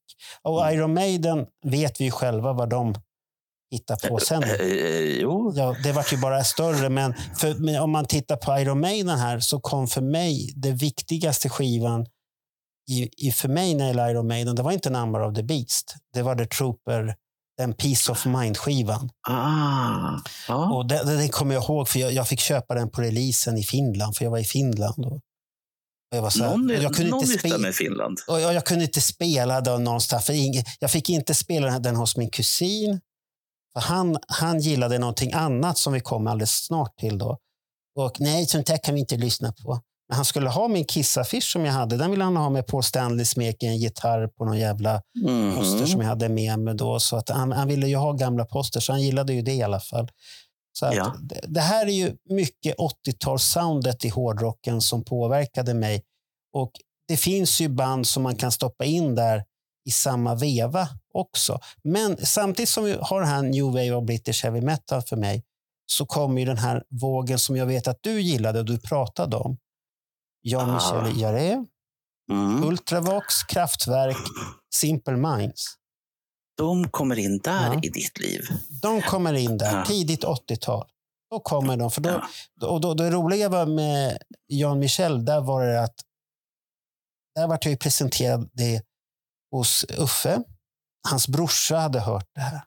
Han hade spelat Okej. in. Och för mig var det bara så här, wow, vad är det här för någonting? Mm. Det var ju ljud överallt. Och det var bara satt där, oj, oj, oj. Mm. Så att jag åkte in till stan och skaffade faktiskt Oxygen-skivan. Och eh, Wow. hittade den på ett ställe på vid Stureplan fanns det någon skivbörs där som vi handlade på. Ja. Och där köpte jag den. Och kom hem och älskade. Då, då, och samma dag som jag köpte den så köpte jag Simple Minds. Team, den här uh, Sisters-skivan. Mm. Sisters Calling och Sisters Feeling, vad den heter. Då. Den skivan köpte jag samtidigt. då. Och Då fastnade jag för Simple Minds med Love Team och, och den här Team for the Great City som jag tycker är så jäkla skön instrumental bit. Så att Mm. jag gillar det här instrumentala musiken har jag också gillat. Och Det är kanske det som har påverkat mig idag i nutid när jag kan lyssna på de här och tänka så här. Tänk vad häftigt det skulle vara att åka till det här um, i Holland eller Belgien där det ligger Dreamland. Du vet de här uh, det är ju mer technohållet då. Men, Ah. men jag skulle kunna åka på den, för det är en häftig show. Det är Mm. mycket folk, det är häftig stämning och du hör Mm. de här ljudbilderna och sånt där. Inga problem. Jag kan åka dit med en Kiss t-shirt och vara jättelycklig Mm. Ja. och lyssna på det där. För att jag gillar det soundet. Det, det låter lite grann som anti-Donington, skulle jag vilja säga. Om, om vi ska... Om, om Nej, men det, det är lite Donington-feeling fast det är åt technohållet då. Ja. Här, här ligger de en helt annan typ av musik än vad hårdrocken, men det är lika mycket glädje på båda ställena. Ja, men det, det är en fascination och passion mm. som, som går igen. Ja. Eh, Jag tänkte på en grej här. När 80, 81 så börjar ett närradioprogram att sändas som heter Heavy Metal Mm. Heaven.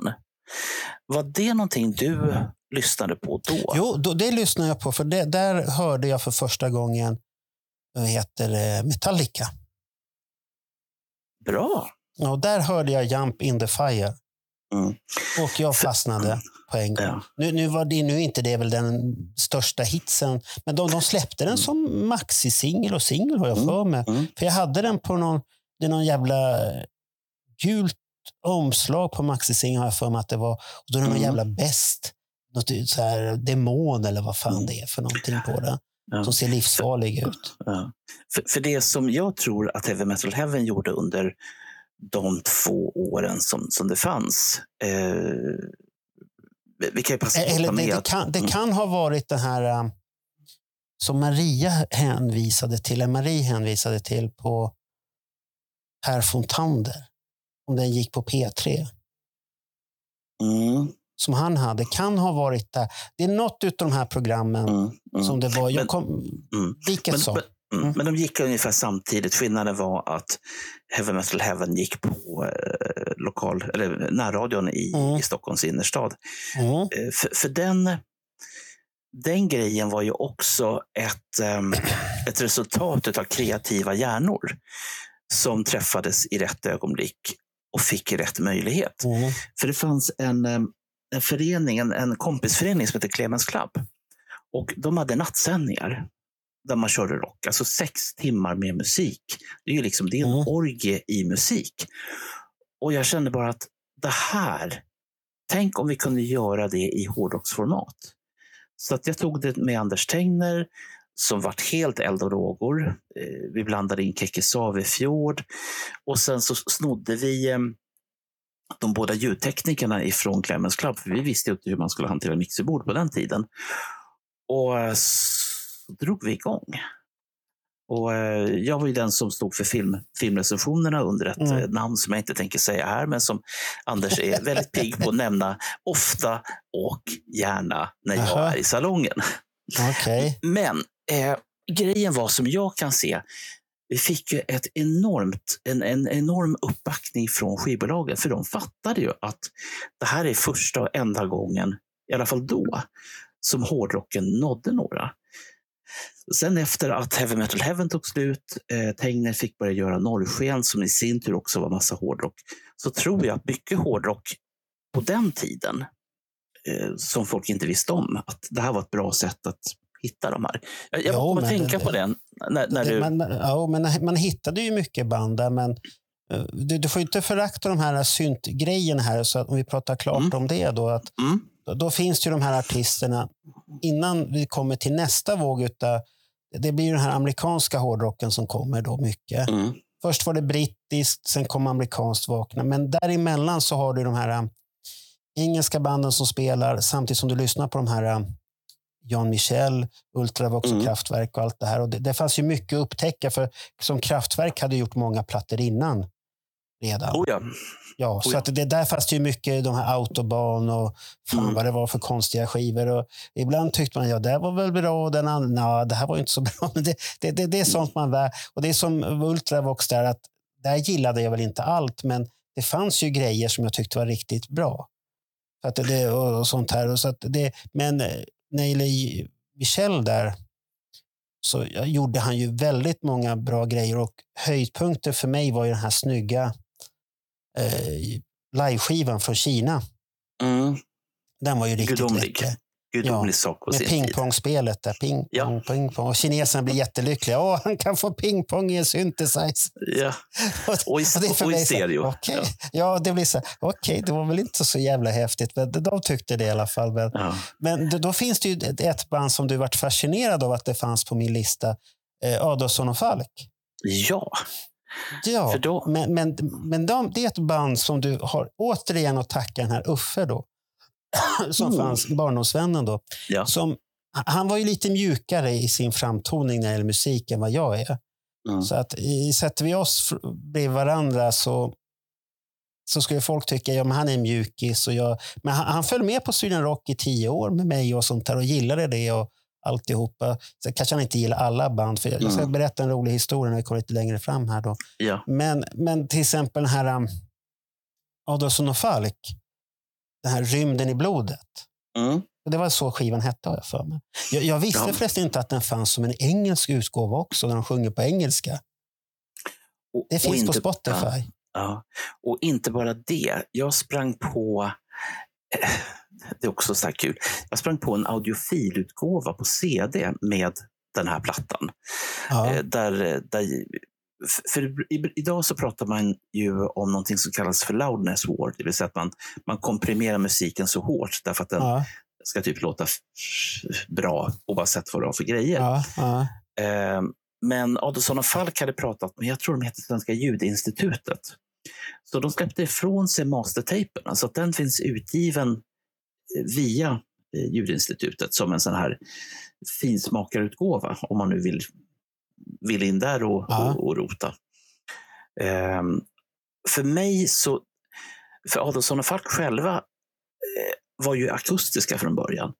Men det magiska hände ju när de träffade på en eh, farbror som hade en syntaffär som hette Greg Fitzpatrick.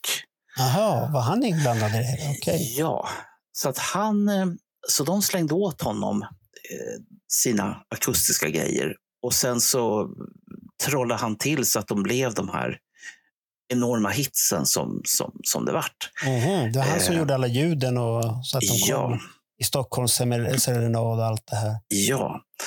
Och, ehm, De är ju riktigt, det är ju riktigt de, men de gjorde ju andra, den här, vad hette den skivan som kom, hette den 1010? Den, mm, kanske- jag, kommer ihåg, den där? jag kommer inte ihåg i vilken, ut, i vilken ja, ordning de här kom. Det, Ja, det, jag de vet, ja. det jag vet är att de gjorde en samlingsbox där de hade en lysdiod som blinkade blå i den här samlingsboxen. Så, satt, så, satt, så satte man den i box i, i, i sin lilla skivsamling där på A som är Adolfsson och Falk. Då, då det den på att blinka. Och vissa tyckte att det var jobbigt och andra vart besvikna när det inbyggda batteriet tog slut. Jaha, men det var väl en rolig idé tycker jag. Ja, ja, jag älskar det här. Eh, Jag tror att det finns, det finns något eh, ett amerikanskt rockband som har gjort någon sån här lysdiod också. Eller om det är Pink Floyd. Eller, ja, men det är någon, något Ja, Pink Floyd kan ha gjort det där. Men, Ja. men, men om man tittar på min lista, du tog in det här med Metallica här nu. Mm, Och jag har ju alltid lyssnat på Motorhead och det började jag rätt så tidigt, så det började där vid 80 också. Men för mig, för mig finns det bara egentligen ett Motorhead och det är, Ace of Spades. ja, det är den här tidiga med Overkill-skivan, Bomber, Ace of Mm. Space-skivan och sen den här första, som, ja, man, jag vet inte, hur ska man kalla den för Motorhead, men de har lite annorlunda versionen av vissa låtar. Och, Mm. och sånt där. Men det var bra. Du har ju fortfarande det, den bästa. De gjorde, de gjorde ju de här skivorna också därefter som är Another Perfect Day och Iron Fist. Helt okej det också. Mm. Sen Orgasmatron här med lokomotivet som kommer. Han låter så jävla domedagsfeeling där på den skivan. Det, det är ju bra. Men sen, sen tycker jag att inte, jag vet att han är, han är gud för många. Ja. Det, det är inte det, men för mig tillförde han inte så mycket mer i Mm. plattorna som kommer efter det. det. Det tillförde inte mig någonting. Mm. Jag hade väl fått mitt, min lem i de här tidiga. och Jag, har ju varit, jag var ju på hans sista spelning i Stockholm som jag eh, tyckte att det var, det var vemodigt. För Mm. Det kändes, och nu i efterhand vet vi att han levde ju inte länge till efter den spelningen. Det gick Nej. väldigt fort för att han spelade i väldigt var det november eller december han spelade. Sen dog han ju för farskotta bara en kort tid därefter. Och det kändes som mm. när, man, när han sjunger så här, när han säger de här uh, This is Motorhead, Remember Me och sånt här. Mm. Då kändes det lite vemodigt och han, uff, det, det, det, det var inte, folk tyckte, men för min del så var det inte samma upplevelse som när jag såg dem på Sweden Rock. Mm. Eh, Och jag hållde på att dö på kuppen där med- tillsammans med Göran och Risto när vi var. Vi var vi ett gäng som åkte på. Rock och vi var alla över, vi var lite överförfriskade också säkert. Vi hade ju suttit i stugan och, och kastat kubb och druckit vin och sen skulle vi ut på festivalområdet för då började banden som vi skulle se och det var Motörhead. Och jag kommer ihåg efter den spelningen så låg vi bara helt, och det var ju varmt som faskott, då Mm. låg vi på gräset helt utslagna och Risto sa, jag kan dö nu, jag är lycklig. Om inte fan ska jag väl dö ännu, det är ju tre, två dagar kvar på festivalen. Åh fan, okej då skjuter vi på det Ja. men, men, men det är som Göran sa också, att så bra som den spelade, vi, vi, vi, vi, vi kom lite sent dit så att folk hade ju packat sig, men vi Mm. hittade via höger sida där på något sätt oss in i den där jävla smeten och stod där. Och där tog jag väl en bild, för jag hade kamera med mig också på den tiden, för vi hade så här akkreditering att jag kunde plåta Mm. eh, på de spelningarna. Så tog jag en bild och vi ser ju helt... Jag tog en bild, stoppade kameran nedanför och tittade och så säger jag titta ner och så tar jag en bild och vi ser helt galna ut allihopa. Mm. Och, och, och samtidigt så finns det en annan bild direkt efter när vi ser så här lycka. Man, man ser det, det här är tre lyckliga män. De har pikat Mm. i sitt liv nu. De har fått se Motorhead och de har fått se Gud stå på scen där och spela med sin bas. Och det, det, det var så himla bra spelning, kommer jag ihåg, på den scenen. Mm. Så att eh, den som var i Globen eller om det var Hovet vi såg dem, jag såg dem sist, det kommer jag inte ihåg. Men det, det var det, och där var det vemod för man visste att han var ett dålig och allt det här också. Det, det, Mm. var, det kändes inte bra. Men förutom Mo- Motörhead så upptäckte jag då på tidigt 80-tal Motley Crue. Ah, glam-hårdrocken. Ja, och det, det, var ju, det var ju väldigt mycket så här, ja, hänvisningar till Kiss. Sen vet vi ju att Mm. när man läste efteråt att det finns ju lite, eh, vad heter han, basisten gillar ju vissa grejer och sånt här också. Men den första skivan, Mm. Live Wire, Take Me To The Top, det, det är en riktigt bra skiva. Och så har du Mm. den andra skivan med Shout At The Devil och allt det här. Mm. Den, den är riktigt bra skiva. Men sen, sen tyckte jag faktiskt bandet tappade det. Och det, det, och det jag vet Mm. att det är jättefarligt att säga sådana här saker, men Mm. för min del, nej, så var det inte riktigt samma. Det finns Mm. låtar jag kan plocka ut, men Mm. det vart aldrig det här som var då. Det, det finns de här Mm. klassiska spelningarna du kan se från den här amerikanska festivalen 83. Ja. Det, det fick man ju inte se då, men tänk om man hade fått se det. På, det är samma med Mm. Kiss. Tänk om man hade fått se de här eh, Halloween-showen på svensk tv. Då, Mm. då ja. hade Kiss hade haft ännu mer fans i Sverige. Och samma med den här amerikanska festivalen. då. Men vi, vi, vi fick ju se då istället då den här andra festivalen som kom den här eh, från Tyskland. Och Rockpalats. Ja, Ja, den fick vi. Då, då fick vi se Ozzy, framförallt solo igen. Mm. Och där har du ju den här Bark at the Moon, Iron Maiden var ju där också. Mm. Och fy forskott. Och gjorde, vilka, vilken show det var. Du hade Quiet Riot. Mm. De, de pikade väl sin karriär där kan man väl säga. För att, efter det det så- är 85. ja, och efter, efter det så vart det väl aldrig lik någonting närheten utav det ens en gång. Nej. Och samtidigt så har du väl, vad hade vi mer för bara Michael Schenker, Def Leppard. Mm. Alla, alla de jätte- här. Ja, de, de var ju gigant och Def Leppard var ju ruggigt bra på den spelningen Mm. också. Så Jag har- det, Jag har en liten Def Leppard-anekdot. Jag har säkert berättat det här i, i något sammanhang, men jag tror den kanske passar in bra här. aha, Eh, jag hade ju brevvänner på 70-talet och 80-talet.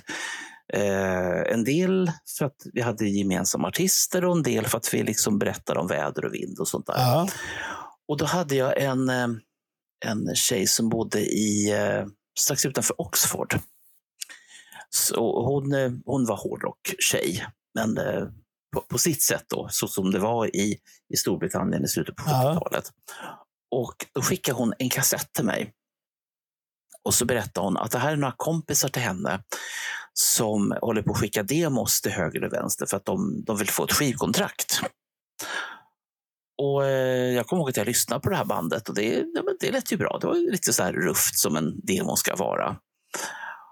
Och sen eh, tänkte jag inte mer på det, utan jag bara tyckte att de här låter bra och lycka till och hoppas att det går bra för dem. Sen så kommer ett band med sitt debutalbum, inte speciellt långt senare, som heter Def Leppard. Mm.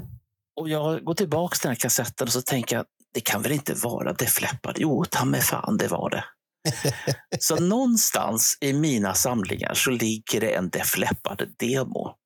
Ja. Och, och jag tycker att det är lite coolt eftersom jag fattade ingenting eh, av det Nej, de det, och det har ändå varit så jävla bra band som det har blivit. Och det de är ju stora. Ja. Och, tänk, och tänk på skivförsäljning som de sålde i USA. Ty, tyvärr vart de ju väldigt amerikaniserade sen efter Mm. ett tag. Så att det, Ja, ja, men det, Men- det är en annan historia. men, men det, Jag- det är ett bra band i grunden. Tycker jag i alla fall. Så Mm. det är inte mycket. Men det, det, det är ett band som jag tänkte som vi inte får glömma bort här nu. Som är eh, Sivert Öholms skräck. Ah, de som Ah. på småländska heter VASP. Ja, Wasp ja. Ja. We are Satans people. Oh yeah. Mm. Ja, och sen det här... eh, ja, vi ska inte gå så här, hmm, som ett djur. Eller så kommer Sivert ja, nej, som ett... Vad är han säger? Som en bäst eller vi- vi- ja, vilddjur. ja. Ja. Ja. han, han är alldeles till sig där så här i det uttalandet. Det kanske man blir när man är lite religiös som han är också. Fast jag har för mig att finns inte det då kopplingar till en viss Gene Simmons-låt som handlar om ungefär samma saker? Som, eh, vi, har, vi har haft den låten uppe några gånger när vi hade med Tony och Tänker du på Tony. Fi- Fi- Fits like a glove eller Burn Ja. bitch burn? Nej, Burn Ja. Bitch Burn är, är jag inne på. Nej, inte riktigt. Nej, det, det tycker jag inte. Men, men, men, men om, vi, om vi återgår till den här skivan då, när den kom Ja. Så var det ju mycket i okej. Sen var det, vad heter han, tidningen Rocket. Rocket, ja, som Anders Mm. Teng, eh, Tegner skulle stå till svars för. Ja. Han hade ju släpat hit det här till Sverige så han skulle ju ajabaja. Hur kunde han göra så här till stackars svenskarna som inte förstod? Medan vi ungdomar tyckte att det här var det mest fascinerande. Jag kommer ihåg Mm. jag skaffade först den här um, singeln. Bäst, I wanna bäst. be, nej, I wanna Mm. be somebody. Ah, okej. Åh, den var ju så häftig. Och jag kommer, ihåg, man vände på dem så såg man hur farliga de såg ut. Och, Mm. den var ju precis, och låten var ju så jävla bra. Och sen kom- skaffade jag skivan. Och för min del så är det nog det, det bästa av oss på åstadkommit. Det är på den här skivan. Mm. Sen, sen, finns, sen finns det de här um, andra skivorna som Blackie har gjort. ja. Men då är det Blackie Lawless för mig. Det är inte Wasp längre. ah, Wasp, okej. Wasp föddes med den här skivan och dog med den här skivan. Mm. Och Det roliga är att jag har fått det bekräftat nu att Blackie Lawless tycker det själv. Han har satt, sagt det på sina egna meet and greets han har nu. För han har en Okej. USA-turné för första gången. Mm. Och då har han sagt det där. Ja, om ni tittar på skivorna så är det ju bara jag på omslaget efter första skivan. För Mm. första skivan, då var vi en grupp. Men Mm. sen är det bara jag. Då- Då Mm. sitter han och säger det som jag själv har alltid tyckt att första skivan, då är de en grupp. Det är Randy Piper, eh, då har han, vad heter han, Tony, ja, Tony Rich, Richardson kanske. Ja. som Såg ut som en galen trummis och så har du Chris Holmes, en riktig galen gitarrist. Och de, de, det var en så häftig blandning och så har du Blackie i det hela. Och hela deras image, och nu, nu är det här image-torsken. Att Mm. jag på något sätt var säkert redan körd för, det, för deras image innan jag hade hört ett jävla skit med dem. Så var jag direkt så här, ah, det här måste jag, ungefär som man bläddrar i en playboy, det här kvinnan ska Mm. jag ha eller vad ska Mm. Mm. man, är, man är körd, du har aldrig hört eller någonting, sen har du hört lite och åh, det här är bra. Och, och, det, och det roliga var att på den tiden så hade jag en eh, kompis som bodde på gården som hette Josef. Han var Mm. från Grekland. Eh, och de hade emigrerat hit, hans föräldrar. Hans föräldrar var jättemysiga. Jag kommer ihåg det redan på den tiden man kom hem till honom. Så är de precis som vilka invandrare. Det ska alltid bjudas på någonting. Är du Mm. hungrig? Nej, jag har ätit precis. Kom, kom. Och de hade ju tzatziki. Det, det, Mm. det, Mm. jag är, eh, Raja som har varit med mig på en sån här restaurang vet att man ska inte ha såna goda såser framför Marco för då är det Marco som har sugit i sig alla såser själv och de andra får ingenting. Så Raja till och med sa stopp! Nu får du Mm. ge fan i såsen. Och det, det, jag, är, jag är sucker för sånt där. Mm. Men då var det så roligt med Josef. Då. Han, han var en sån här... Han, han var ingen typisk rocker överhuvudtaget. Men W.A.S.P. var ett band han föll pladask för. Mm. Och varför vet jag inte. Vad var det de hade som fick Josef, som inte var hårdrockare någonstans, falla pladask för? Var det, Var det någonting... I, Mm. ja, var det, Var det här... det farliga, vad var det som var så häftigt för honom?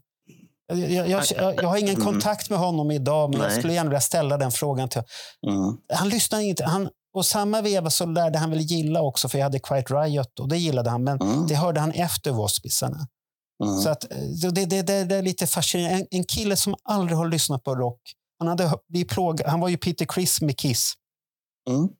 Vårt, det här, när vi sminkade oss och lallade till och, och sjöng till de här banden och sånt där. Då var han ju Peter Criss, men han förstod ju inte det att man ska inte banka på trummorna på riktigt. Att han, så man fick, du får ju inte slå. Åh, vad får Jag är ju trummis. Ja, men inte slå, för det lät ju för jävligt alltid. Men Eh, det, det är där det är så att vissa band kan ta tag i en. Och det, det, W.A.S.P. var ett sånt band att det tog tag i med första skivan där. Och jag har ju följt Mm. dem sedan dess. Men det finns ingenting i deras karriär som har blivit på samma sätt. Jag var ju Nej. på hans senaste spelning här nu när han hade det här uh, jubileumet för Crimson Idol. Det soloskivan han Mm, gjorde där. ja. Och den, den är ju ruggigt bra, men han körde hela skivan live. Och eh, det var jättebra alltihopa, men det kändes lite så här som... eh, Jag har för mig Ronny var med på den konserten, om det var någon annan som tyckte att det kändes lite, lite tråkigt på ett sätt, för det, det, det hände inte så mycket på den där. Man hade förväntat sig någonting annat. Mm. Han gick ju ut och marknadsförde det här då innan corona började. Att nu ska det bli return Mm. originalet och det ska vara det och det. Vi ska sjunga, vi ska, ni ska få uppleva showen som var då. Jag hade ju inte förväntat mig att han skulle eh, kasta kudde med dun på folk och kasta blod, Mm. hålla på med blod. Och, han, han är ju gammal, så jag hade inte förväntat mig det. Men jag hade i alla fall förväntat mig att han skulle spela låtarna från första skivan. Och vad händer? Han gör medleysar och så gör han Mm. det och så kommer någon. Och folk, han spelar Fuck Like a Beast på slutet och folk är nöjda. Och för mig blir det så här, okej, det var inte riktigt... Varför gick du ut och så med buller och bång? Men det är väl typiskt amerikanskt. Så att, eh, vi får se när han kommer här nu till våren 2023. här nu. Eh, Ron och jag har biljett och vi hade hoppats på kanske någon entrecote på huvudet eller något sånt där. Mm. Men det, det lär vi nog inte få.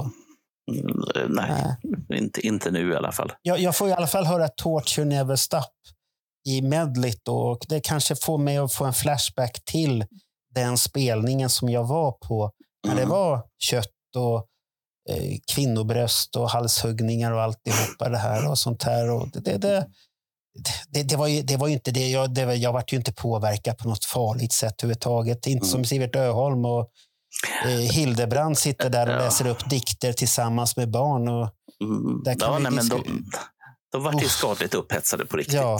Ja, då, då, då, Hildebrand var säker, för det kom ju fram i nuläget sen inte så positiva saker fram där. Men det ska vi inte dra här nu så vi får en strike och inte får komma fram med den här podden.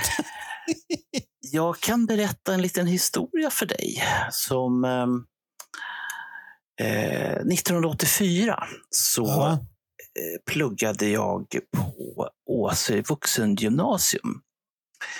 Och eh, det var några ämnen jag skulle plugga och sen så hade jag ett ämne kvar för att kunna få, vad var det, halvt studiestöd eller någonting Mm. sånt. Eh, Då kommer en kille in på expeditionen precis just då. Eh, Det visade sig vara Jocke Schröder. Och en del undrar, vem är då Jocke Schröder? Jo, han var med i filmen G. Och det var han som klippte sig och fick jobb på slutet. Men, Just det, ja, han. ja, men han Han var- flummar runt halva filmen. Ja, men han flummade runt även inne på Ja. expeditionen i, i sitt eget skick. Och så sa han det, tja, jo, jag ska gå på historielektionerna, var är de någonstans?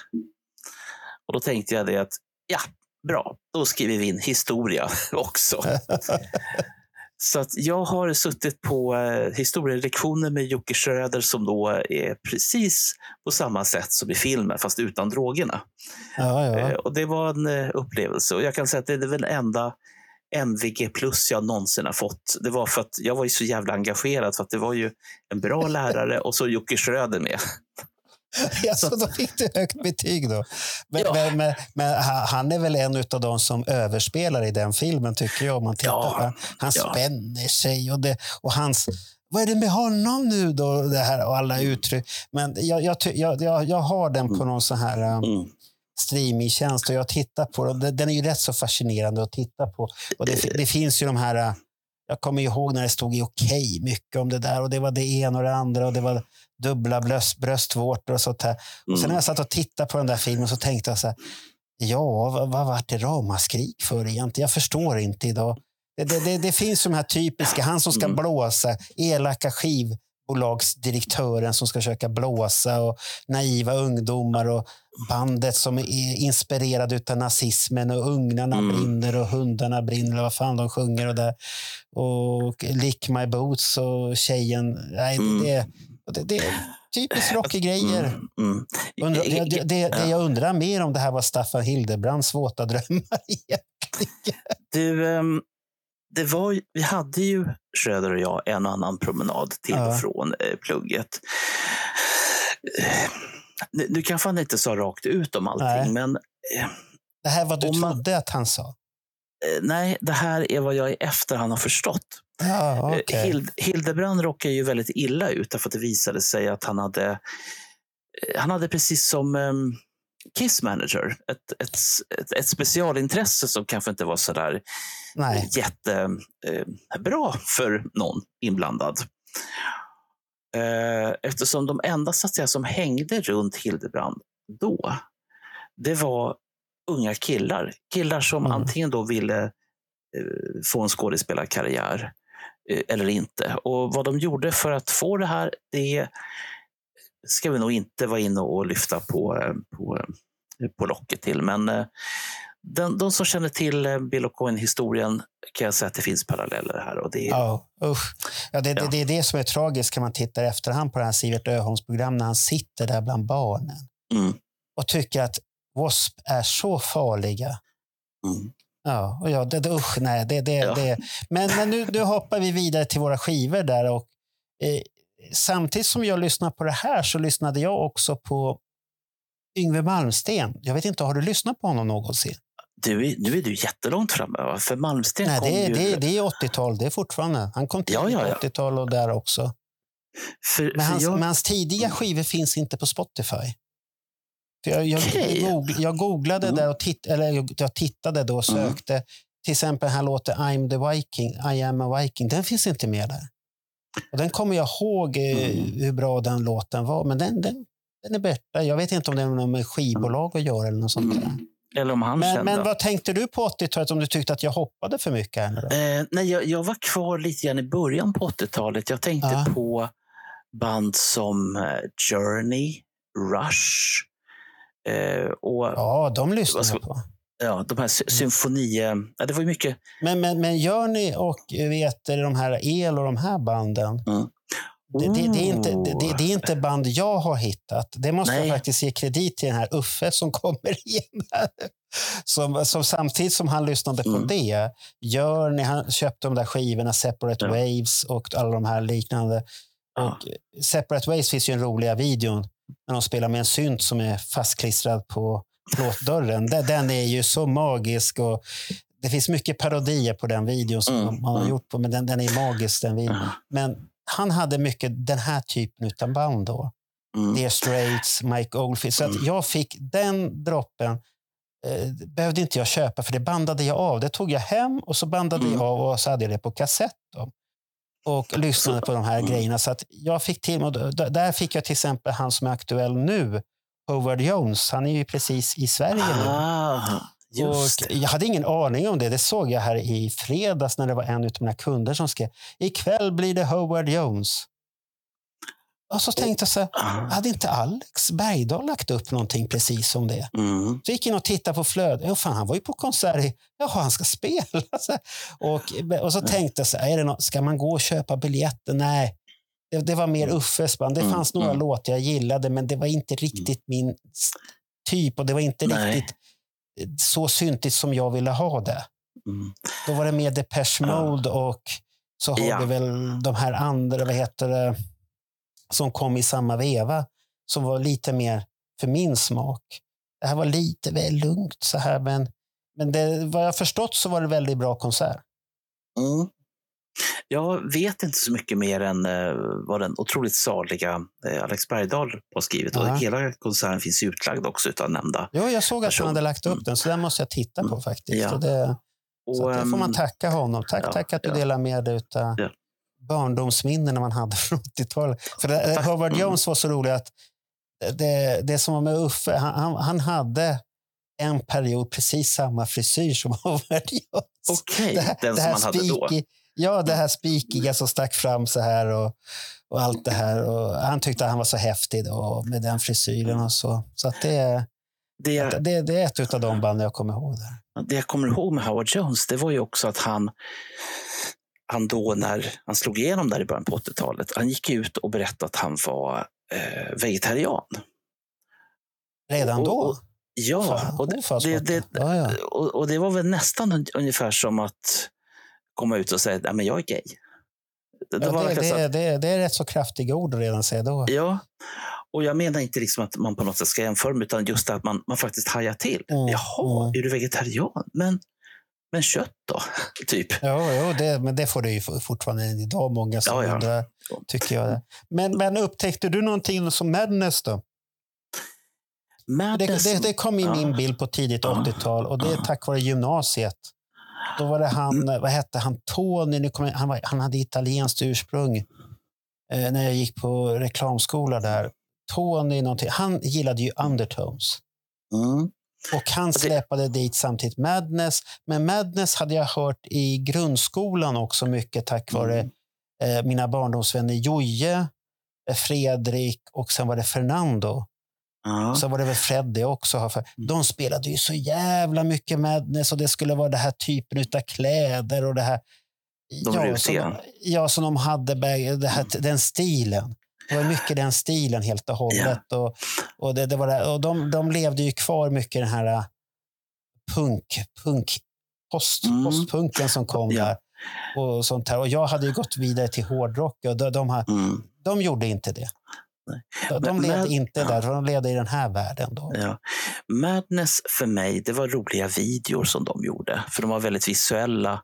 Eh, De hade gångstilar som var väldigt special. Ja, one step beyond och då gick de vidare. Ja. Och, jag, ja, och sen har jag för mig att någonstans där så var de även inblandade i The Young Ones, tv-serien med Rick Mayhall som gick under den här perioden. Var de med Eh, där? Jag, jag har en känsla av det. Det får du väl... eh, Motörhead har- har jag, har jag för mig var med där. Ja, det stämmer. Men det, Ja. var ganska mycket, det var ganska mycket, vad ska man säga, då brittiska Ja. kända eh, personer som, som var med. Nu kom vi långt ifrån samtalsämnet här nu. Ni, Men, Eh. men du, har inte, du har inte lyssnat på Yngve med andra ord? Då? Jag har lyssnat på Yngve, det har jag gjort. Ja. Och jag funderar faktiskt på... Heavy Metal Heaven hade en stödkonsert 1981. Och jag blir osäker på om han var med i publiken eller inte. För jag har ett svagt minne av... Han kan ha varit då, för då var han fortfarande, har jag för mig, i Sverige. Mm, mm. För det som jag för mig, och nu får nog i så fall Mm. eh, Anders Tegnell svara på det här. För han kommer ihåg bättre Mm. den här konserten. Men att han bad att få vara med och då var det fullt. Vi hade ett- ah. Och vi, hade ett, vi hade ett gäng andra eh, artister som, som liksom hade fyllt på. Det var Ja. Attack, det var Heavy Load eh, och, och en del andra up and, up and coming. Och sen så, om jag minns rätt nu, så kom han eh, typ i sista momangen och sa, men ja då. Ja, ja det, det är Eh. inte, men, men han, han är ju en duktig gitarrist. Sen kan man väl diskutera hur han har varit hela livet. Men det är, det är svårt att bli legend i sitt eget land för, för många, tycker jag. Så att det, Ja, men sen flyttade Men- han. Ja, ja, sen han, fly, ja, han har ju bott där i USA. Så att, ja, han är en legendarisk gitarrist, det kommer vi inte Mm. ifrån. Sen, sen kör han ju mycket klassiskt. Och, och, han, han är väl inte lika vågad, tycker jag, som Steve Vai. Som är lite mer Mm. Flummig Vai, och, ja. och vågad och sånt där. Han vågar ju Ja. utmana gitarrer och gitarrer med sitt sound och hitta på olika. Medan Mm. Yngve är mer det här klassisk Mm. skolad, älskar de här klassiska gubbarna. Då pratar vi om riktig klassisk musik. Vi pratar om Bach. Ja, ja. Att han älskar åt det hållet. Då. Mm. Men, men det, det, det, för mig var det väldigt mycket med såna här gitarrister ett tag. Jag köpte Moore, hette väl någon annan gitarrist jag hade skivor med också. För jag gillade Gary, så, Gary och Joseph- Moore. Ja, Gary Moore, Joe Satriani också. Så det, det Mm. var mycket såna här och Steve Vai. Eh, sen, sen var det väl nog en överdos för mig för jag tröttnade på det. Ja, jo, det, så, så kan det bli. Så det, det var lite för mycket så där. Man köpte allt, det här var spännande. Och sen, sen var det väl inte, det, det finns vissa låtar och sånt där. Men, men samtidigt i den vevan så får vi inte glömma ett band som jag alltid har älskat också. Det är Pretty Maids. Danskarna. Danskarna. Ja, Wow. de har jag alltid tyckt om. Jag, kom, jag kommer ihåg den här första skivan eh, som jag köpte med dem. Det är den här kvinnan som har sönder någon högtalare, piano eller vad det är. Jag, jag för mig skivan heter Red Hot and Heavy. Det är väl den som är stora Mm. hitten på den. Mm. Men låt, den börjar med det här pampiga som Ozzy har när han går in på scen. Det här är du gamla, Ja. jag vet inte vad det är för, men det är någonting. Mm. Det börjar med det och sen kommer back to back.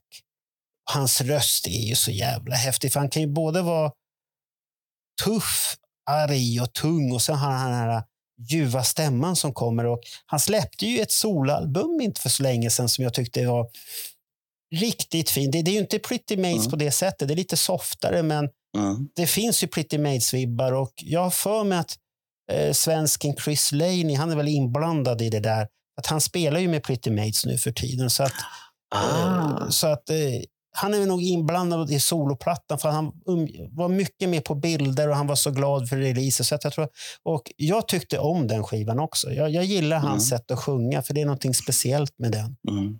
sidan. Men ja. det som vi, vi kanske ska diskutera här att vi har ju hårdrock, alla vet ju hårdrock. Vi gillade ju mycket Mm. hårdrock och det gjorde du Mm. säkert också. Alla dessa Självklart. konstiga amerikanska band som kom, Autograph, Rat och Ah, just det. alla de här banden. Vi behöver inte nämna dem för de låter likadant allihopa tycker jag. Så att det, det, Jag kan bara säga då så svar att jag lyssnade på alla de här som lät ungefär likadant. För ja, då, då, så jag, jag förstår att undergången kom med jävla brasklapp. Det, tittar man nu i efterhand så förstår man varför det gjorde det. det fan, det var ju stora frisyrer och Weinstein. Men samtidigt som det här då så lyssnade jag mycket på pop också. Mm. Och då var det Aha, var ju ett utav dem. Och jag gillar Ahas första skiva. Den gillar jag mycket. Första singeln, första videon. Ja, det, det, men skivan. Eh, Och då är det inte den här um, deras stora hit som jag tycker är Min favorit är den här The Sun Always Shines on TV. Mm. Mm. Hårda syntar, de var inne i en kyrka och spelade lite så här videos. Den är, lite, den är häftig tycker jag. Och sen, och, så att det, men där är det kanske det är någonting som jag attraherades av utav det. Mm. Men sen kom ju då också den här lite svenska som var poppis, som Susses Orkester. Och där, kan- där, kanske, där kan man ju tycka att Mm. låtarna kanske inte... Vissa låtar är riktigt bra, men det, det som jag tycker framför allt är häftigt med Susses Orkester, det är texterna. Och Mm. nu är inte jag någon här jättestor textlyssnare. Att jag, för mig är det först att det ska finnas någonting i låten jag går igång på, sen går jag igång på texten. Mm. Men, men hos dem är det mycket texterna som jag tycker är väldigt häftigt. Susie Tappers röst är ju inte att leka med heller. Den Nej, ju... nej, och det, den är ju grym. Och det, det, då är inte den här Dansa i månens sken som är deras största hit. Det finns mycket, Mm. mycket, mycket bättre låtar tycker jag. Mm. Än det. Men sen kommer den här som man ska dra ut garderoben här nu så att man får väl gå och gömma sig igen. Då. Det är att man har hållit på med italiensk disco. Och det har ingenting att göra med Sa- Marco. Sabri- Sabrinas tuttar eller något sånt där. Det har ingenting med det att göra. Boys, boys, boys och Mm. titta tuttarna hoppar ut och sånt där. Det har ingenting med det att göra. det var Scotch. Han som hostar. Som hostar fram. Mm. Och det där, det, åh, jag kommer ihåg, jag tyckte det var jättebra. Och jag köpte mycket så här, äh, vad hette de? disco. Ja, de, hade, de, gjorde, de gjorde så Italio disco mix eller vad fan Mm. det hette. Och- Samlingsplattor. Ja, jag ha- hade ju en kille på Hornsgatan som sålde, som var nära den här skibörsen med den här kvinnan som var. Fast Mm. hon, hon var ju inte på Hornsgatan, hon var ju på den här um, en tvärgata till Hornsgatan. Ros, Roselundsgatan om jag minns. Roselundsgatan där. Just det, där Söders jobbade ju skibörs. Ja, och han var på Hornsgatan, då, men han hade Mm. bara sån här musik. Och då jobbade jag i närheten. Då, då gick man dit. Ja, då gick man dit efter jobbet. Och så tittade man vad han hade. Han hade maxi-singlar och det var de här... äh, Men, men då, då kom mycket så här annat. Det var ju så mycket det här äh, Chicago House, eh, housemusik. Det Mm. älskar jag. Vissa sådana där. Ride on time och allt det där. Oj, herregud. Och då blir jag så här... Då, då går Marco igång. Jag är inte världens Mm. bästa dansare, men får jag lite sprit så kommer den här gubben att splattra som fan när det gäller sånt där. Då, då, det, det finns. Jag älskar sån Mm. musik. Jag går igång på det direkt. Ja. Och, och, det, och, du, och, du hade, och det fortsatte ju på 90-talet sen med de här Mm. um, No, no, no, no, no. Ja, jo, jo. men, men det gillar jag. Och det, och det gillar jag samtidigt som jag gillar discoband. Så gillar Mm. jag Ant- Anthrax också. Så det, det är någonting fel på mig kanske. Jag vet inte. Det, det, det är något fel på oss allihopa. Eh, När du lyfter på, på taket här till House, eh, är du inne på Ja. Prince nu eller, eller kommer Prince sen? Nej, Prince har, har jag redan hittat. Det, Prince har jag Mm. redan hittat. Men det här är mera, vet du, eh, housemusik. Det, det, det är en helt annan, där är ju rytmen som är viktig. Mm. Som kommer. Och det, det är ju det här från Chicago, det var Chicago House. Sen var det Philadelphia-stuket. Ost. och, då tänker, och då tänker man många så här, det är väl ingen skillnad. Det var en jävla skillnad. Mm. Alla städer hade olika musik, så det var en jätteskillnad på det där. Och den här killen som var på Horn, Hornsgatan, där, han, han, var ju, han höll ju på och diskjockade och mycket och sånt här. Och, Mm. eh, han var jättetrevlig. Vi satt och stod och pratade där och vi, jag köpte skivor och det var mycket så här eh, maxi-singlar och, och det var mixar utav, vad hette de här, um, vad hette han, Stonebridge tror jag att han hette, som hade gjort mycket mixar utav vissa Mm. låtar. Mycket house-låtar och sånt här. Så det, det, det är också en sån här subgen jag har i mig. Det är den här uh, dans... Men Mm. dansband tillhör inte den. Alltså, så du, skinn, du, men, du menar alltså att Inga, dan- inga grupper med som slutar med Z efter på gruppnamn. Inga sådana. Nej, det tillhör inte vänta, min. Vänta, jag, jag testar. Jag testar ska vi se. Lasse Stefans. Nej. Nej, Jag kan, jag, kan, jag kan lyssna på det, men det är ingenting som jag går Mm. igång på. Det är ingenting jag behöver äga i min... Och det är ingenting jag, jag, jag kommer rädda om det brinner ner i min samling. Eller så. Nej, Mm. ingenting. Jag, har ingenting med sånt. Ja. Det, det funkar inte, men det ska vara det här äh, rytmiska. Mm. Man, man, man, man kan ha roligt, man kan ha glädje och allt det där till. Då. Men, så att jag vet inte, du, du kanske ja. inte har lyssnat på sån där musik? Du. Det är klart jag har. Det har ju, eh, som den otroliga musikkonsument som jag är så har jag ju Jaha. lyssnat. Men det har ju liksom inte eh, trillat in. Utan jag blir så här bisarr i mitt huvud så jag tänker, okej det ska vara rytmiskt. Ja, 1983 säger jag bara. Radio Gaga. Queens återkomst. Ja, Där men det du är ju, ja, men det är ju rytm, men det är ju olika saker. De här Mm. attraherar ju olika saker hos dig. Jo, eh, Ja. medan det som du pratar om, det handlar ju om de här klubbarna som du går till. Och, Ja, eh, du kan gå till klubbar, du kan spela hemma, du kan ha i hörlurarna vad som helst så går du Mm. igång på det. Det är en mm, häftig mm. vibe i låtmusiken. Ja, för, för Prince eh, är jag i- st- stor fantast av, eller, eller var i alla fall under den här tiden. För Sen fick ju Prince för sig att han skulle ge ut en ny LP varje månad och då kanske man inte riktigt hänger med. Och, Nej, nej, nej. och, Det, och, spe, och speciellt inte om man kanske går ut en trippel, ett trippelalbum varje månad för att komma ur sitt skivkontrakt. ja. men, men Prince hade ju också mycket som man inte behövde lyssna på heller. Mm. Du, du kunde ju plocka vissa, vissa skivor är ju klassiska. Sen är det mycket man kan plocka vissa låtar på och sånt här tycker Mm. jag. Men det, det, nej, det, det är sånt där. Men då börjar vi komma till här mitten av 80-talet till, till 90-talet då när vi har de här. äh, 1900, Om du tänker från, 85. ja, från 86 och då, då, då har ju Europe och de här, alla de här banden står ju på sin peak. Ah, Du har Whites, det. alla de här står på sin peak. Mm. Visst, jag lyssnar på det. det. Det är inga problem med Europe och sånt Mm. där. Jag kan lyssna, jag gillar deras tidiga skivor också. Så det, det, jag tycker det är bra. Mm. Det, och deras nyare skivor som de har gjort nu för tiden. Det är riktigt bra Ja. grejer. Det, det är inga dåliga grejer alls. Och folk, folk ger det ju inte en chans. Ah, det är Europe, det är det och det. Nej, det Mm. finns mycket annat där också. Så ge bandet ett chans och lyssna på det så är det bra. Europe är ju så jättespännande för att jag var ju otroligt förtjust i dem, de här första plattorna som kom. Ja. Jag tyckte de var så bra. Eh, Jag följde John Norum ett tag och Ja. sen självklart eh, hans lilla syster och hennes karriär. Ah, Tone Norum. Ja. Hon Och, var ju eh, jättestor där ett tag. Då. Ja. Men sen bara, Stra- Stranded och vad var det mer för låt? Och det var snyftisa pojkvänner Mm. som var hit Mm. och dit. Alltid. Mm. Herregud. Ja, ja. och sen bara puts väck. ja. Ehm, för, för jag är lite grann inne på... För, för det du säger, liksom, det bara väcker massor av minnen på mig. Jag, jag, jag har suttit här och haft i, i mitt huvud ett tag Live Aid. ja. ja den var Sommaren ju slutet. Oj, Ja. oj, oj, oj. 85. Men vem, vem, vem gjorde det största framträdandet där egentligen? Du, jag, jag har suttit och tänkt på det här, skulle du veta. Eh, I efterhand nu, det som man kommer ihåg, ju Queens framträdande. Och det beror ju enbart på filmen, skulle jag vilja säga. Bohemian Rhapsody. Ja, nej, jag, jag tycker det, det, det, det fastnade redan då. För jag skulle säga så här, Bowie gjorde ett bra framträdande. Ja, Eh, Arcadia, som var delar utav Duran Duran, ja. ja. Phil Collins, Phil Collins var på...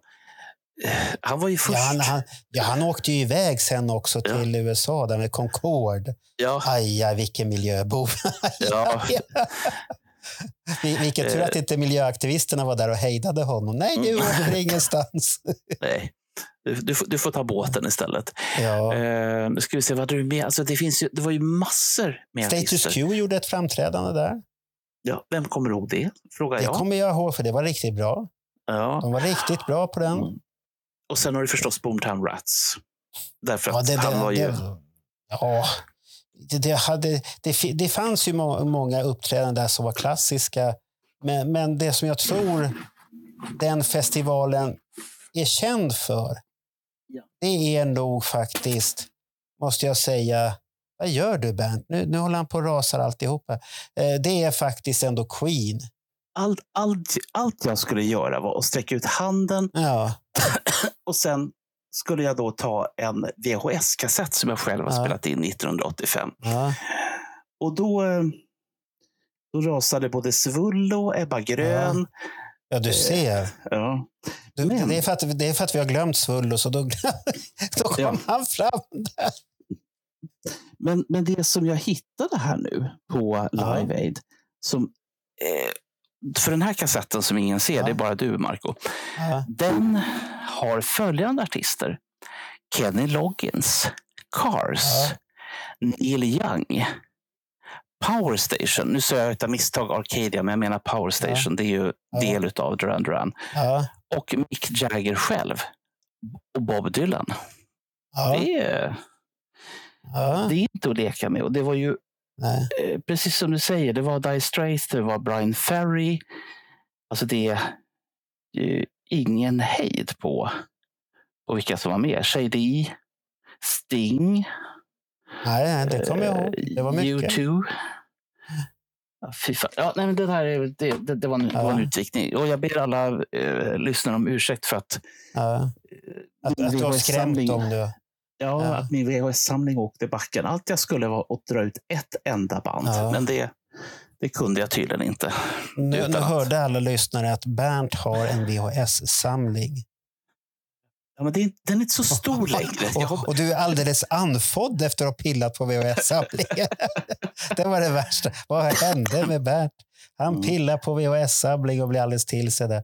Men, Eh. men, men du hade ju samtidigt, i slutet av 80-talet kom det ju moteffekt då med band. Som Mm. de här hårbanden. Du har, du har ju Def Leppard mm, släpper ju en av sina största kassako kossor någonsin, det var ju, för vet det, vad heter den där skivan som kom? Hysteria, tror jag att det Ja, och, sen så kom ju, ja, och sen så kom Pyromania också, inte att förglömma. Ja, men Paramania kom redan tidigt. Tidigt 80. Och då, ha- sen var det ju den här olyckan med trummisen och så tog det ett bra tag innan det kom en skiva. Då Ja. kom den här uh, Hysteria då med Animal. Jag tror att det är Hysteria. Och, så, och den hade ju väldigt... Det är hårdrock, men den är ju väldigt polerad om man säger så. Mm. Det var Och, ju... det, och, det, och det, det kan man väl säga är väl väldigt typiskt för den hårdrocken som kom där på eh, slutet av 80-talet som många lyssnade på. Många tyckte ju om den här perioden. Du har ju Bon Jovi, alla de här, de, kom ju med sitt album New Jersey och vad var det mer som så här stora grejer. Och det var ju Whitesnake, 87-albumet. Mm. Frisyrerna större än någonsin och han hade någon kvinna med på varenda jävla video. Som, det var väl, han var ju väl ihop med henne också där. Visst, Mm. det var snyggt och det var väldigt välproducerat alltihopa. Och, men då kom ju den här samtidigt den här motpolen som började vakna till liv då. Med vissa Mm. grupper som du har som Guns N' Roses började myllra Mm. där. Vad heter den? Appetite for... Heter den Appetite for Destruction, den skivan? Det kommer jag nog inte ihåg här och nu. Kommer du inte ihåg det? Jag tror... Jo, det, jo det stämmer. Appetite for Destruction hette skivan. Mm. Eh, Så var det ju väldigt någonting nytt man hörde. Rocken Mm. började bli stökig. Det här var ju inte Mm. polerat. Här var det ju bad boys helt plötsligt. De, Mm. de var ju ungefär som Motley Crue. Eller som Motley Crue hade ju kvinnorna, men de var väl inte... De var väl bad boys, men eh, glamour bad boys på något sätt. Här var det ju riktigt bad boys tyckte jag. Men precis som du säger, där kom ju den här motpolen. Ja. Eh, och den började ju komma i slutet på, eh, på 80-talet och sen så har vi ju Seattle-grejerna. Eh, framförallt Nirvana, men det finns Ja. ju en, en, Men, en men, hel... de, de- de började ju i slutet av no- 80-talet, de här eh, Mm. grungebanden att spela, men de slog ju inte igenom för det hade gått till nästa 90-tal då. Och, men, men samtidigt så hade du ju till exempel Disneyland After Dark. De hade ju börjat snurra och vart ju poppis alltihopa med vissa Mm. låtar och sånt här. Så att det fanns ju. Och inte för att glö- förglömma Halloween som jag skaffade första skivan på slutet av 80-talet, den här med låten Future World Mm. och sånt här. Och det var ju mer åt det här, vad heter det, power, vad kallas det för power metal? Jag tror att det, det faller väl under något sånt där namn. Ja, Där med Hammer, vad heter de här, eh, Hammerfall är och, eh, och de harvade ju jättelänge innan de var stora. Också Hammerfall Mm. och sånt där. Men det är den typen av band som börjar växa upp eh, efter ett tag. På, men de kom ju på 90-talet där då som är motpol. Men ja. Det, det roliga är att de är här. Men jag hade också en annan stor favorit på 80-talet redan. Det var ju Magnum. Jag vet inte, de vet inte om du har Oh. lyssnat på. Eh, Magnum var ju ett band som var återkommande i Heavy Metal Heaven. För det programmet hade ju en blandning utav dels eh, Gillan, Deep Purple, Black Sabbath, alltså de här säkra Ja. korten. Men eh, eftersom Heavy Metal Heaven var så pass poppis hos skivbolagen så fick vi ju alla de här vad ska man säga, nya, då okända banden. Ja. Och, och Magnum var ju inte speciellt jättekända i Sverige då.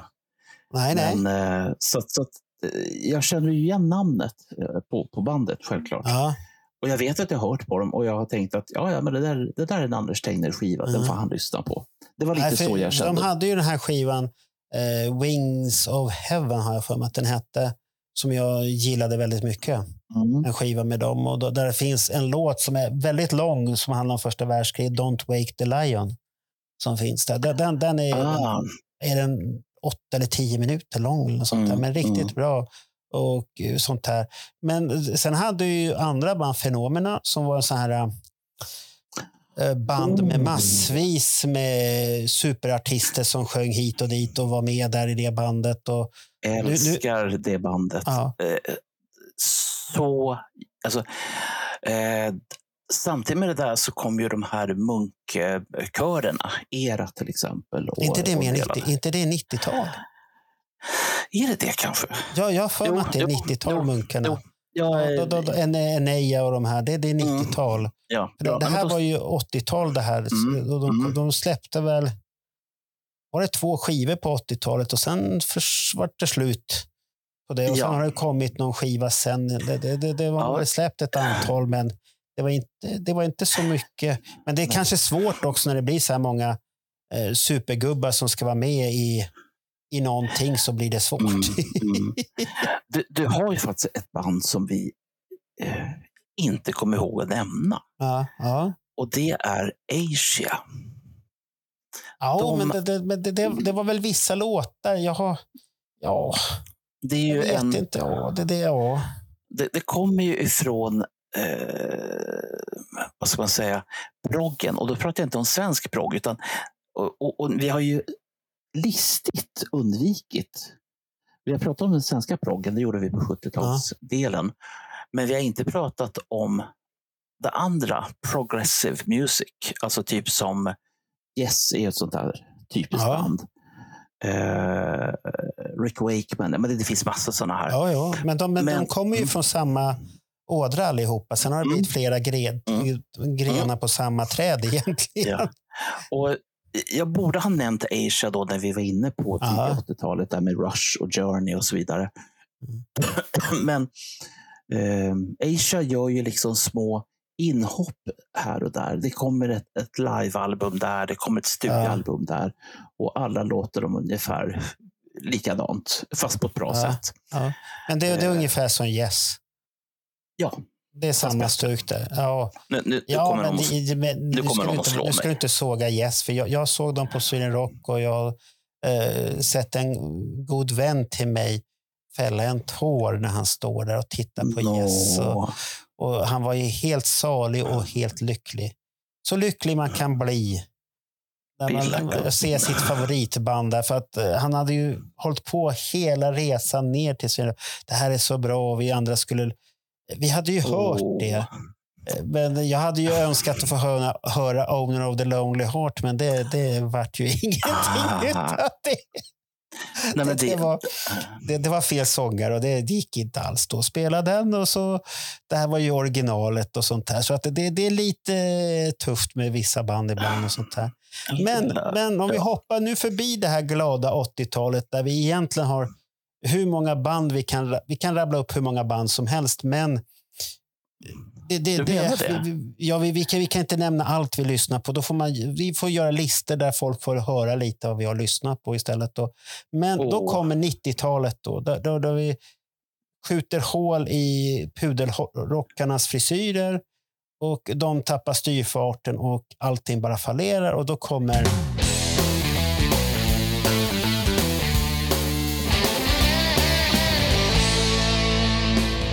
eh, Grungen, Ja. ja. Men, men det, det fastnar inte riktigt för mig, den grungen. Det, det, jag, jag gillar Alice in, in Chains och jag Mm. gillade Nirvana, men sen, jag gillade inte Pearl Jam. Nej, uff. Alldeles, alldeles för sovande. Och det, jag, jag kunde jag, vissa låtar, nej det, nej, det var ingenting för mig. Mm. Och det, det är det som är det tråkiga. att Nej, jag vet inte vad det var. Ja, Vi har glömt att nämna en artist som åtminstone jag eh, genom vad- åren Jaha. har lyssnat mycket på, både på 70, 80 och 90-talet. Vilken då? Och det, och det är Kate Bush. Ja, Eh. Kate, men hon, hon, hon var ju bland de här som vi sa, alla artister vi inte har nämnt. Ah, jag bara Ja. tänkte att, att, att, att hon finns ju med här på, på 90-talet också. Ja, ja, det, det finns hon ju med, men där, hon har väl några hits som du har lyssnat på. Jag vet inte om hon har påverkat mig på något sätt eller sånt här. Det tycker Ja, det- inte jag. Ja. För att, för att gr- Mm. grungen har inte påverkat mig i alla fall. Nej, inte, ett kan- dugg, nej. inte ett dugg på det sättet att jag... Nej. Det, det, har, Jag- ingen, det har ingenting för, har inte fört med sig någonting vidare för mig. Mm. Så, så som jag kan se det, eh, jag gör en liten så här allmän titt i mitt minne här nu och jag Ja. kan säga att jag håller med dig. Utan det som jag fastnade kvar i, det var ju vad ska man säga, um, pampighet på ett eller annat sätt. Ja, eller, prof ja. eller professionellt gjorda grejer. Jag menar Prince gick kvar på 90-talet, du har Toto som eh, började på 70-talet. Eh, Mm. Du har ju både Rosanna och Africa och allt vad de nu heter. Så de har ju egentligen hemma mer under, under 80-talet Mm. än 90-talet. Eh, vi har Paul Simon som jag har lyssnat på under de här tre eh, decennierna. Mm. Men, men det, det roliga man kan ju säga där, det är ju det att eh, de stora grupperna som fortsätter med flaggan i stånd, det är ju fortfarande de här klassiska grupperna som släpper skivor. Ja. Som, Ja. som Kiss, de kom ju 92 med Revenge. Du har Metallica, Mm, vad fläskade inte de ut med? Svarta albumet. Precis. Det, det, det, det, är så mycket så att eh, grungen var väl en stil, men Ja, sk- det skulle vara intressant att veta hur många sitter fast och lyssnar på det. Man kan, lys- man kan Mm. lyssna på vissa låtar, men hur många gånger sitter man och tänker nu ska jag lyssna på Nirvana? Det, det, jag gör inte det. Nej. Nej, men jag kan säga så här att jag, men jag fastnade aldrig i grunge, för jag tyckte att den var eh, opolerad helt enkelt. Mm. Det, är väl det, det är väl det finaste jag kan säga. Och Det gjorde att det, det fastnade inte. Nej. Och jag sitter och tittar igenom eh, mitt 90-tal när det gäller musik. Och jag vet att när jag slutade sända närradio 1985, då var ju det... Ja, för jag, jag fick ju fråga varför. Det kommer ingen bra musik längre, sa jag då. Och um, nu när jag sitter och tittar på vad jag har köpt på 90-talet eller vad jag har lyssnat på på 90-talet så är det bara artister som var stora på 80-talet och det är lite Ja. sådär eh, märkligt. Ja, men, Ett- men, men det är ju så. Det är ju ingenting med märkligt egentligen. Det är ju det. Är det en bra artist och den håller så håller den ju. Mm. Så det, det, det, är ju, det, är ju bara att titta till exempel som vi pratade om Tom Jones som jag har lyssnat på 70-talet. Han sjunger fortfarande än idag. Ja, Varför? Ja, därför att han var en bra sångare. Det, det går inte att ta ifrån honom det. nej. Sen kanske inte låtmaterialet alltid har hållit på, men han har varit ajour och hållit sig till sina grejer. Han har ju haft sina eh, hits under 80-talet. Han hade väl hits under Mm. 90-talet också. eh, Sexbomb och allt det här. Och det, han har ju hållit sig ajour. Ja, och det, och det är ju och det är ju så jävla häftigt med, med, en, med en sån snubbe. Mm.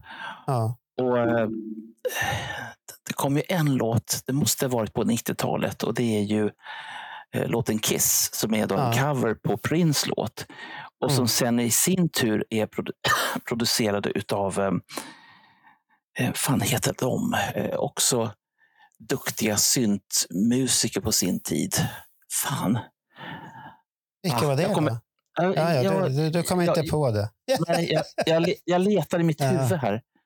Eh, jo, Men- men- nu. Vänta, Ja, vilka, ja, ja. Art, Art of Noise. Om du ja, men det var ju de som jobbade tillsammans med Tom Jones har jag för mig också. Ja, för de gjorde en platta Ja. tillsammans. Och det Ja. tycker jag är så jävla läckert, för den är, den är väldigt, väldigt bra gjord helt enkelt. Mm. Han, är, han är modern och de får komma ut med sin grej. Men, de var ju, var, men var inte det typiskt för 90-talet att man tog in lite så här äh, gamla doldisar som sjöng upp? För det gjorde ju ett annat band som jag har skrivit upp här nu, KLF. Mm. Nu är den här dansmusiken där igen. ah, De hade ju Ja. också så här nostalgiska tanter med i sina grejer. Så eh, jag hade ingen aning vem det var, men jättestor i England eller USA eller något sånt Mm. där. Och det fanns den här faktorn. Och det, det, det är ju sån musik. Och samtidigt som jag lyssnade på grungen så lyssnade jag på till exempel Massive Attack, KLF. ja, Och så kom de här äh, som för mig är en husgudar på ett sätt också, Beastie Boys.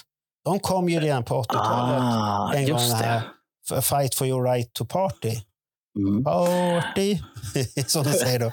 Men, men det, sen kommer ju andra skivor med de sabotage och allt möjligt. De Mm. här uh, robotlåtar. Så att det är sån här artist, artister som jag gillat jättemycket också. Och det är ju så långt ifrån Kiss man kan tänka sig att man kan gilla Run DMC och sånt där. Men jag har varit inne på det och jag gillar ju den här... um, Jag har för mig att jag, kom in, jag tror att jag hörde den första gången 80-talet, den här eh, kända hitten som var... Han som, det finns en video, han går där i Harlem eller var han fan han går någonstans. eh, så här rapvideo som är ursprunget till det mesta av de här rapgubbarna. Grand, Mm. Grandmaster Flash eller vad han heter. Ja, sånt där. ja. Eh, Ja, det- ja. ja. Och de- den låten, jag gillade det. Sen, sen kan ju många tycka, fan kan du gilla det om du gillar hårdrock? Men, nej, men jag är sån. Jag Det gick alldeles och, utmärkt. och, och jag älskar sån musik och sånt här. Och då har det ju kommit den här svenska eh, rappen har ju också kommit. Så jag, jag kan lyssna på eh, killen trodde han var cool för han hade en pistol och sånt här. Det går alldeles utmärkt för mig att lyssna på Latin Kings och, och Petter. Eh, Petter är som mikrofonkåt när den kom. Den tyckte jag var ri- riktigt skarp, bra gjord Mm. grej. Och sen hans, eh, de här skivorna, Bananrepubliken som han släppte. Och sånt där. Sen finns det ju annan rap som jag är lite svårare för. Det, det, jag gillar inte den här äh, ratata-rappen som jag kallar den för de här gangsterrapparna som finns i Sverige. Mm. Man ska Nej, jag, skjuta. Det, det, det är inte min ki- kind of grej riktigt. Nej. Det finns väl någon låt jag kan tycka är bra, men annars nej. Det, det, blir, det blir bara löjligt på ett sätt att man ska hävda sig istället för att sjunga om det finns Ja. så mycket annat man kan sjunga Ja. om egentligen. jag, jag har faktiskt ett favoritband inom svensk rap som, Ja. som vi inte har berört och det är bandet Just det. Ja, men de är ju klassiker. Ja, och Ja, eh, en av de grejerna som faktiskt de har gjort som jag är lite imponerad över, det är ju att de slog ihop sig med Clawfinger. De har gjort en hel Mhm. platta tillsammans och det tycker jag är, då har man liksom tagit alla stilar och så bara slängt ner dem i en blender och så blir det jätte, jättebra. Ja. Eh, Så det var en grej jag tänkte på. Och sen ehm, en, rest ifrån synttiden och det är ju Vangelis. Vangelis lyssnar jag Ah, jättemycket det, det, på det kommer jag, ja, det kommer jag ihåg också. Men han var väl mest stor på 80-talet, var han inte det? riktigt. Det var, där- inte 90, det, det var inte 90-tal riktigt för honom. Det, det var inte hans... Nej, men Det det, var, då det var, jag... inte, det var, det var inte okej för såna här syntar på då riktigt. Det kom Nej, ju, nej. På slutet så kom det ju mycket, det, det, det började komma de här andra och sånt här. Och då, då kom ju, Vangelis, han var ju väl till och med, han gjorde väl filmlåtar jag för mig också. Absolut, hur mycket som helst. Och, Ja, det, här, eh, det här när de springer med någon engelska eh, springare. De springer Chariots of Fire. Det har Chariots of just Fire. Det, just det. Den Eh, klassiken, ja. Han, han skrev musiken till eh, Blade Runner. ja. Eh, han, han har varit och pillat i väldigt mycket. Ungefär Men på var, samma var inte hans låt med också i filmen G? Eller var det någon annan gubbe? Jo, men vänta. Fan vad du är observant. Var inte den med i filmen G? Eh, jo, När de är kära, kära och lyckliga där. Och det, jag har för mig poolscenen så är det den melodin som Ja. går. Vangelis. Så, titta, Ja. Tittar ni på filmen G och hör de här syntarna så är det han. och att, då är, ni, ja, jag tror att det är I'll find my way home med Joan Anderson från Yes och Ja, Vangelis. det För kan de- det vara. Det är det. Det stämmer. Det är det. Ja. Titta Bernt, du är med. Ja. Du är med på banan. Tillsammans är vi oslagbara, det vet ju Ja. alla. Men, men sen kommer det ju den här äh, andra lite så här elektroniska influenser på 90-talet. Det är ju de här Babylon Zoo, de har ju bara gjort en låt som jag gillar, det är Spaceman. Men samma Mm. veva så kom The Prodigy med Firestarter Mm. och Breed. Mycket häftigt. Sen, kan man ju Mm. tycka vad man tycker om deras image och sånt här. Det, var inte det jag var ute efter. Jag gillade musiken. Det var det jag gillade med dem. Och Mm. i samma veva så började ju då också du, du, Rammstein, Du hast. De har kommit ut då. Men jag, vet, jag tror Ah. inte riktigt att jag hade börjat lyssna på dem ännu. För det, jag tror att det ska vara någonstans slutet av 90-talet och början av 2000-talet jag började komma i kontakt med dem första gången. Rammstein. Och då, Det Mm. diggar jag då och då. Men jag hade redan då också det här att jag kan inte lyssna hur mycket som helst på dem för att Det blir för jag tröttnar, mycket. efter, jag, jag tröttnar efter ett tag för det låter samma. Och sen, sen är det roligt att jag kan ju inte ett jävla dugg tyska heller. Så, att det, så jag har fått kolla upp vad, fan, vad är fan jag sitter och sjunger om egentligen. Och, och Ja. sånt här. Men, men sen kom ju då också, den här tiden, då jobbade jag på reklambyrå. Och det måste jag säga, då, Ah. då var det en ung kille som eh, började som praktikant där som hette Kenneth. Eh, Det var Okej. Percys lillebror som började där. Då. och eh, han var en sån här kille som var mycket, vi var mycket på internet, för vi hade ju internet på jobbet. Mm. Och då kom det här, eh, som alla vet nu så är internet. Då vet ju Napster. alla, vad kom då på internet? Då kommer ju Då- de här äh, Då kom Napster och Napster, company. Ja. Och man kan skälla på det hur mycket man vill. Men det finns en positiv sak med nedladdade filer. Det fanns ju hur mycket musik som helst. Du kunde för en gång skulle lyssna på artister du hade funderat på, ladda ner och lyssna. Och, så, och det var ju så jag hittade många band, eh, som till exempel Evergrey. Mhm. Det var ett Okej. sånt band jag hittade. Ja. In Flames rekommenderade Kenneth. Han kom och sa, har du hört det här? Mm. Alltså, vad är det för något? Och så spelade han på det. Jag bara tänkte, vad fan, vad han sjunger konstigt där. Men det fanns ju någonting som jag gillade, för det var ju melodi, det var ett driv i det. Och då vart det så, ja, fan, det här måste jag bara kolla upp. Och sen dess har jag gillat In Flames. Eh, Dimmu Borgir. Nu, nu kommer de här mörka Mm. grejerna. Mm. Nu är det mörkt. Ändå är jag lycklig pappa och alltihopa. Och så kommer så här mörka grejer. Det, det är konstigt om man tänker så. Men då lyssnade jag på det.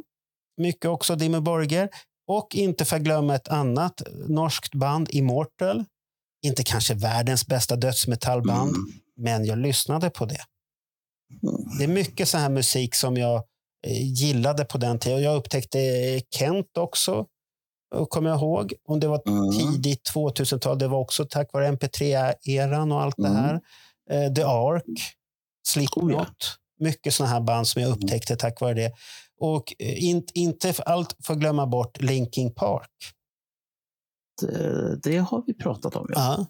Det, det pratade vi innan vi började spela in här. Och det, det var ju så här äh, som jag aldrig hade hört en sång. Och då var det Kenneth som kom och sa, har du hört det här nya bandet? Han hade hittat det på nätet. Mm. Att det var många som laddade ner det. För han följde någon jävla lista vil- vilka folk ladd, vad folk laddade ner. Jag vet inte, han var väldigt inne på det där. Jag undrar om han fick Mm. tid att jobba överhuvudtaget så mycket han laddade ner där på tiden. jag, jag satt lite och tänkte på det här Ja. nu när du berättade om det här. Ja, det men vi vara- hade ju jobb och så gick nedladdningen på, på en PC. Så här, tsch, Ja, ja, ja. ner hela tiden. Och eh, då, då, då var det så roligt att han kommer där och först tänkte jag, och det här är innan det här har slagit igenom överhuvudtaget, och begreppet nu-metall, det här är innan det. Innan, det här är precis innan det breakar igenom hel, alltihopa det där. Och jag tyckte det här var skitbra. Så att när det slog igenom sen, ja då var Marco mätt på det ungefär. Ja, ja, ja. Och, det, och, det var, och MTV rullade i allt det här. Men, men då var jag mätt på det helt plötsligt. Då var det så här, vad fan, nu har jag ju lyssnat på det här och ja, ja, det är bra. Hade Simons Det- rätt kanske? Var det du som dödade musikindustrin? Nej, det, det, det, det, det, blir ju sam, samtidigt, det finns ju den här nackdelen. Jag förstår artisterna att de inte får pengar. Det förstår jag, att det, det är inte roligt överhuvudtaget och sånt här. Men, det, men samtidigt så öppnar det Mm. ögon för mycket ny musik som inte jag hade tänkt på. Mm. Som idag, idag, idag har ju Spotify den rollen. Mm. Men då fanns det ingenting sånt alternativ. Nej. Det var bara att öppna plånboken, gå till skivaffären, lyssna på dem, vad de rekommenderar eller titta på listor. Mm. Hur, hur ofta vågade du? Visst, jag gick ju mycket på skivbörser och sånt här. Men hur ofta vågade du satsa pengar på en ny skiva?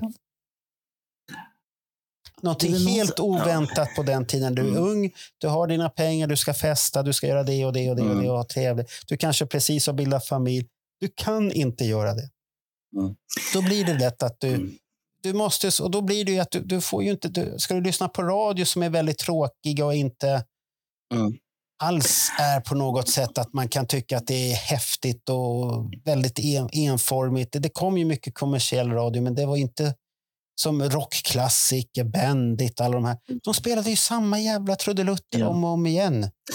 Det finns en, eh, en datorjournalist som heter Peter Esse Ja, som en gång i tiden sa någonting som faktiskt fastnade i mitt huvud. Och du är inne och touchar på det här, nämligen att det finns bara en viss påse pengar. ja, Eh, och den här påse pengar som ungdomarna har, det ska räcka till, till allt. Eh, Ja. Så det är festa och det är snask och det är bio och det är musik Mm. och så vidare. Och eh, Då kan man ju se från den här sidan att, nu kommer jag ju få däng av någon, eh, att om det nu är så, så att du får tillgång till mer musik än bara den här, kanske, du kan få råd att köpa en Mm. LP per, eh, per månad. Eh, Eller varannan månad. Eh, men du vill konsumera mer musik. Och då är frågan, ska då den här ungdomen få möjlighet att göra det? Eller ska man säga att ja, nu är det som så att du har råd att köpa en LP-skiva den här månaden. Vilken ska Ja. du ha? Och då blir du tillbaka till så som vi hade det på 70-talet, nämligen att då blir du hänvisad till radio istället. Och försöka ta rätt på vad är det som är intressant. Ja, och, och ra- radion har ju då blivit väldigt enformig på den här perioden. ja. Det, är ju, det är ju inte som på eh, 70 och 80-talet, tycker jag. Radion på 90-talet var tråkig. Mm. Eh, De kan påstå, eh, det som Sveriges Radio kan påstå, att vi är oberoende, kyss med arslet, det är så o, inte alls oberoende. Det är Mm. Enformigt, tråkigt, du ska vara där. Det är väldigt sällan du hittar det här speciella. Mm. Det, det är som han, vad heter han, jag tror att han hette Per Fontander som Marie hänvisar. Han hade ju ett hårdrocksprogram. Och det, Ja. det var ju så jävla smala grupper han spelade där. Men han, då lyssnade man sig, är det här något för mig? Mm. Ofta spelade man ju in det där också så att man skulle få chans att lyssna in sig. Ja. Och Lite- jag, har att, och jag för mig att det är på hans program jag hörde Metallicas det här Jump in the fire. Och den hade ju någonting som bara gjorde så här klick, det fastnade på en gång. Det här, Ja. det här var bra. Och då gick jag ju skaffa den här första skivan. Sen eh, produktionsmässigt så kanske det inte var riktigt. Det finns ju låtar jag gillar och Seek and Destroy, Hit the Lights och allt det här Mm. som är jättebra. Och de spelar fortfarande live idag. Så att det är ingen fel på det. Så att det, det fanns ju ett embryo som man gillade och det, det är ju det som är viktiga.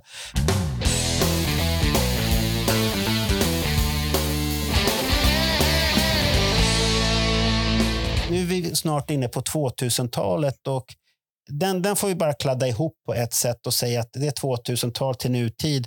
Alla grupper man har upptäckt där.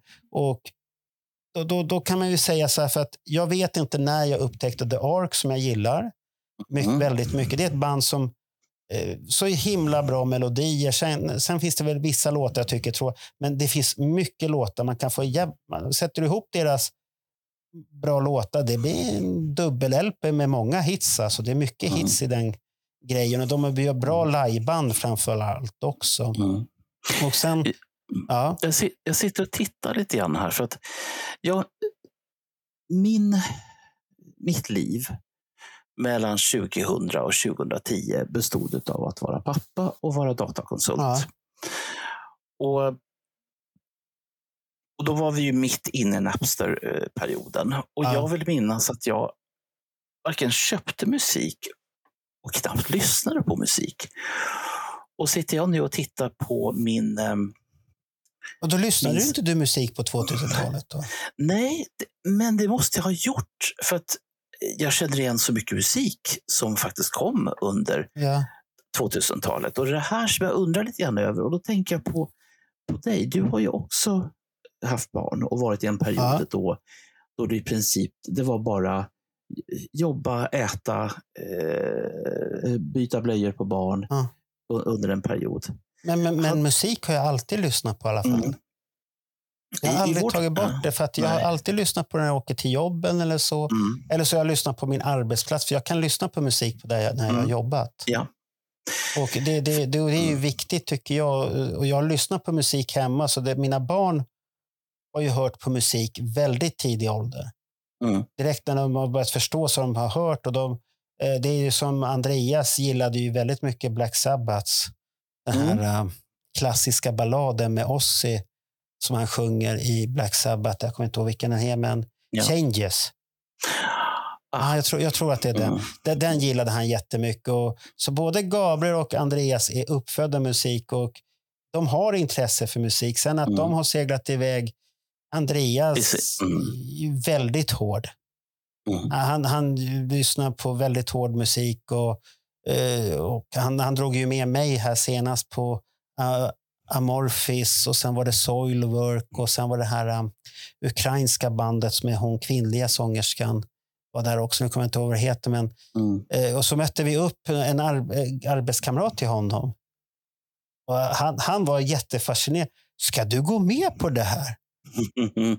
Ja, varför ska jag inte? Och han, och jag stod ju och diggade. Han, han sa efter konsert, Åh, fan vad häftigt. Du älskar ju så här musik. Ja, såklart Ja. jag gör. Annars skulle jag inte gå. Tycker jag inte om det så går jag inte. Så att det, Ja. så att det, det var fas- fascinerande. Men, Mm. men om jag säger så, sen 2000-talet så har jag ju upptäckt The Dark, Kent, Mm. som jag gillar. Mm. Ett bra band. Eh, Ghost har jag också upptäckt. Men Redan, där, redan då? Nej, men när, när jag upptäckte när det kom. Jag menar 2000-tal och till nutid. Vi ba- bakar Mm. ihop allt det där. Det är de här 20, Ja. 22 åren, är det en enda period tycker jag. Ja, För det kommer så himla mycket musik så det går ju inte att säga 2000-tal eller någonting längre tycker jag. jag, jag skulle faktiskt vilja dela upp de här i, i två högar. För jag, jag sitter här och tittar och det är nästan pinsamt att behöva säga eh, det var mina favoritartister jag lyssnade på. Det dök inte upp speciellt mycket nytt under de här åren. Och jag återupptäckte Eurovision. Därför att det var ett Ja, enkelt men den var sätt. väl ingenting att återupptäcka? Va? Oh. Åh herregud, vad återupptäckte du där som var så fascinerande? Eh, Loreen, det är ju fan sent 2000.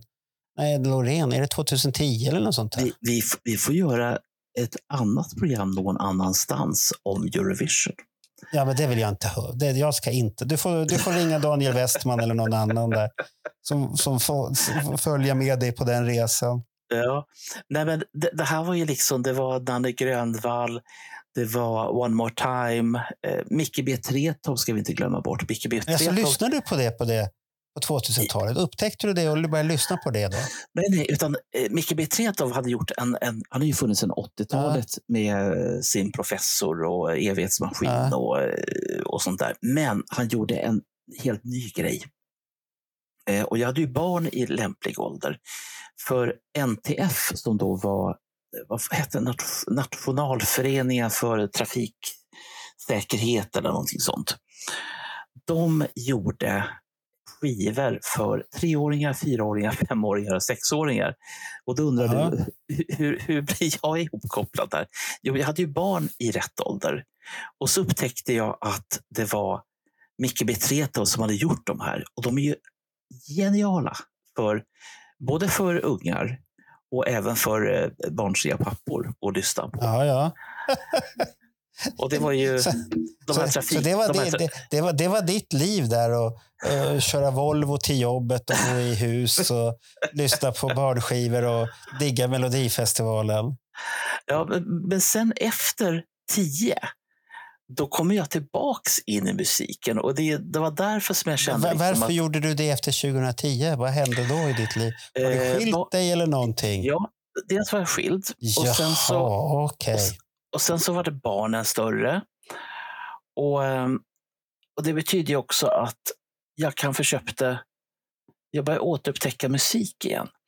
För det som händer under den här perioden, måste jag ju säga, att eh, om vi backar lite grann, Ja. så för det första så dör ju LP-skivan som medium. Så på Japp. 90-ta- så på 90-talet så går ju folk och slänger sina vinylskivor i brännbart. Det Eller här- säljer dem. Ja, det fanns ju alla sorter. Jag hade Ja. magasinerat mina grejer. Eh, Så där fanns, där fanns mitt. Eh, Och då började folk Så du, köpa. så, du öppnade en Volt så här, vart med så här himmelskt ljud. Så här, "Ooh." Och, så var det gli, Precis. och så glimrade hela din samling där och du bara, och äntligen är ni tillbaka, äntligen. Precis. Var, varför Ja. lyssnade du inte på skivor när du var gift och hade barn? Därför att man inte hann det. Det var väldigt... Vadå väldigt... han? Du, nu hänger inte jag med på det här. Nu är jag väldigt intresserad. Varför hann du inte lyssna på musik? Därför att det som man gjorde var att man jobbade. Man åkte till och Ja. från jobbet eh, och jag hade inte direkt någon sån här musikmaskin för det hade jag inte råd med. Och för övrigt hade jag inga nya skivor att köra i, i dem.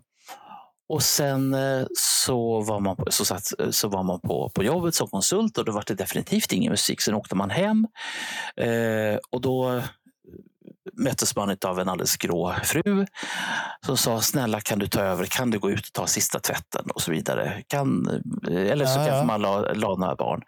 Och sen var man ju väck. Det fanns ju ingen... Men, men spelade ni ingen musik hemma då? Jag tror att det var mycket Eurovision.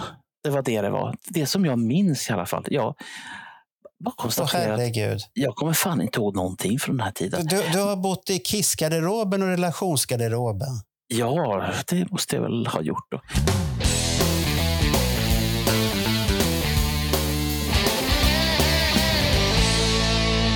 Vi, började först fyra stycken som åkte ner till Sweden Rock. Mm. eh, och sånt här. Och där vart det då vänner som vi åkte tillsammans och så vart vi större och större och till slut, som värst var vi väl 15 stycken som åkte och planerade alltihop och åkte Mm. tillsammans till Sweden Rock i åtta, ja, nio år på raken så här hela, varje sommar. Och då såg man ju mycket band, så för mig var det ju när man åkte på den här Sweden Rock, då var det ju en upplevelse att återuppliva de här gamla banden som man har tittat på 80-talet och diggat. Mm. För det var ju sådana band som dök upp. Du, du, du, det- var ju mycket sånt. Det var alla de här traditionella eh, banden som Saxon och eh, vad var det, du har Motörhead. Som, Mm. De spelade ju aktivt ändå, men de var ju husband där ett, många, Mm. ett tag. Eh, du hade Dee Snider, Gary Moore var där. Mm. Eh, du hade Venom. Mm. Det, Flames så, till och med spelade där. Men det, det, vi- jag sa att vi skulle återkomma till en minne med Sweden Rock. Som jag sa. Nu, nu kom jag på Mm. det, nu ska jag berätta det. Eh, första året så var det ju jag, Marcus, Pelle och Uffe som åkte dit. Och det här är vänner till mig då. Barn, Mm. Två barndomsvänner och en den Marcus var, hade, var gift med min kusin och jag har lärt känna honom och jag känner honom fortfarande idag fast han Mm. inte är gift med min kusin längre. okej. Men eh, vi är goda vänner och allt det här. Och, mm. eh, vi- han hade, fick låna en Saab, jättefin Saab och vi åkte ner till Sven Rock, för han, jobb, han jobbade ju på Saab då på den tiden Mm. och sålde bilar. Så vi åkte med någon värsting Saab och det gick fort som fan ner. Det kommer jag ihåg. Det var lite äckligt för det gick så jävla fort på vissa ställen. Eh, och vi kommer ner dit och vi har mm, ja, vi har gjort ordning av stugan och så kommer vi på den här första. Då var det en så halvdag innan festivalen börjar. Första dagen lite så här testdag. Jag har för mig att det var torsdagar som var en sån här test. De hade öppet att man kunde komma dit innan själva huvudfestivalen börjar på fredag, lördag. Då. Mm. Eh, så kommer vi och vi hade akkreditering så vi kommer via specialingången där och in där och så börjar vi gå mot en scen för det är där- de spelar. Och vi kom rätt så sent för att vi, vi åkte iväg rätt så sent så be- när vi var klara så vi var väl där, vad, vad kan klockan varit? Sju på festivalen då, det hade börjat redan på dagen. Eh, så går vi gående mot den här scenen och så hör jag att det är ett dödsmetallband. Det bara maler så här, maler något otroligt, det här ljudet. Eh, och Uffe då, som vi har pratat om, han är ju inte någon extrem hårdrockare på något sätt. Mhm. Då. Han gillade ju så här lite Howard Jones och Dear Straits och Mm. Metallicas äh, svarta album tyckte han var jättehårt album. Mm. Det tyckte ju inte jag, men han tyckte Nej, det. nej, nej, ja, Så det- han var lite olika. Och så går vi mot den här scenen och så kommer det folk emot oss då. Med så här Okej. eh, nit, eh, så här spikar. De är på väg bort därifrån. Medan Ja. vi är på väg mot scenen så är de på väg. De har ju så här långa spikarmband med stora och vissa blöder i pannan. Och jag kommer ihåg när jag vände mig om och tittade på Uffe så här. Och vad- jag ser på honom att han funderar, vad fan har jag hamnat någonstans? Vad är det här för någonting? Mm. Här går folk och blöder. Det här ser ju livsfarligt. De är ju fan påpälsade och alltihopa med nitar hit och dit och spikar. Vad är det? Och hår och kolsvarta, vitmålade med svarta såna här, eh, dödskallemasker Mm, på sig och mm. allt möjligt. Och han bara står och tittar så här. "Nej, det är ingen fara, det är dödsmetall, säger jag. Vi, vi, nu ska vi Okej. långt fram och titta på det här. Han, och, han accepterade och vi tittade på det i alla fall. Och, det, det var en så här roligt minne jag har första gången Mm. man kommer till Sweden Rock och han får se det där. Men det var många bra band vi såg på de här, alla de här åtta år, eller nio åren som vi var där. Var det många bra. Sen var jag åter en gång till då med 2013 när Kiss spelade där. Ah. Då, och då hade jag okej. Andreas med mig också. Då hade jag fotopass för att plåta Kiss och allt det här Mm. också. Eh, jag hade fotopass på de alla andra turnéerna också, för jag åkte dit för Kiss Army Swedens räkning. Och det, Ah. räckte, som- det räckte som akkreditering på den tiden. Jag tror inte det räcker så jävla bra idag, för idag är det det är väldigt hårdare regler och det är ont om fotoplatser nu för tiden. Mm. Så att det är bara att glömma på det. Jag kommer ihåg år 2000, eller var det 2001 eller 2002, eh, när W.A.S.P. spelade så var det ju så smidigt att du kunde ju vänta in i det sista innan bandet började spela. Sen kan du nästan knata och stå ända längst fram. Det var Mm. så luftigt i publiken. Det var, det var inga problem. Och det var De, väldigt glatt. de orkar och- inte. Nej, men det var en glad festival. Det, det var, Mm. i 2013, det var någonting helt annat. Det var som en vägg. Du, är du inte där i tid, du kommer inte fram något. Det är bara en Nej, vägg nej. som står där. Det är bara att stå och acceptera. Jag, jag är sen, jag får stå här.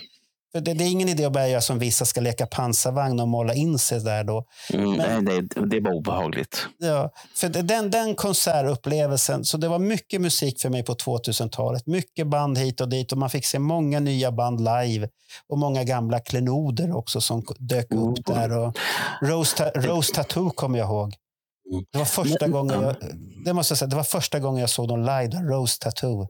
Vet du vilka det är? Det är australiensiskt ACDC-liknande band, lite mer rock'n'roll blues-hållet. Och, eh, sångaren var Angry Anderson, har jag för mig att han heter. Kallas Okej. för Angry. Och han var med i filmen eh, vad heter den? Road Warriors, eller Mad Max. Mad Max heter den kanske. Ah. För den filmen, han är en av de här som har fjädrar hit och dit och, och ser Mm. skallig och agg. Men jag kommer ihåg, man, man längtade ju till den konserten. Det var en bra konsert. Men jag förstod ju inte att han var tvungen att strypa sig själv på slutet. Med mikrofonsladden där. Boink åkte han ner i golvet och de andra står och tittar. Så, vad hände? Så, Mm. så, jag Mm. vet inte om han tuppade av en liten stund där på riktigt för att han ströp sig själv så jävla hårt med sladdarna där.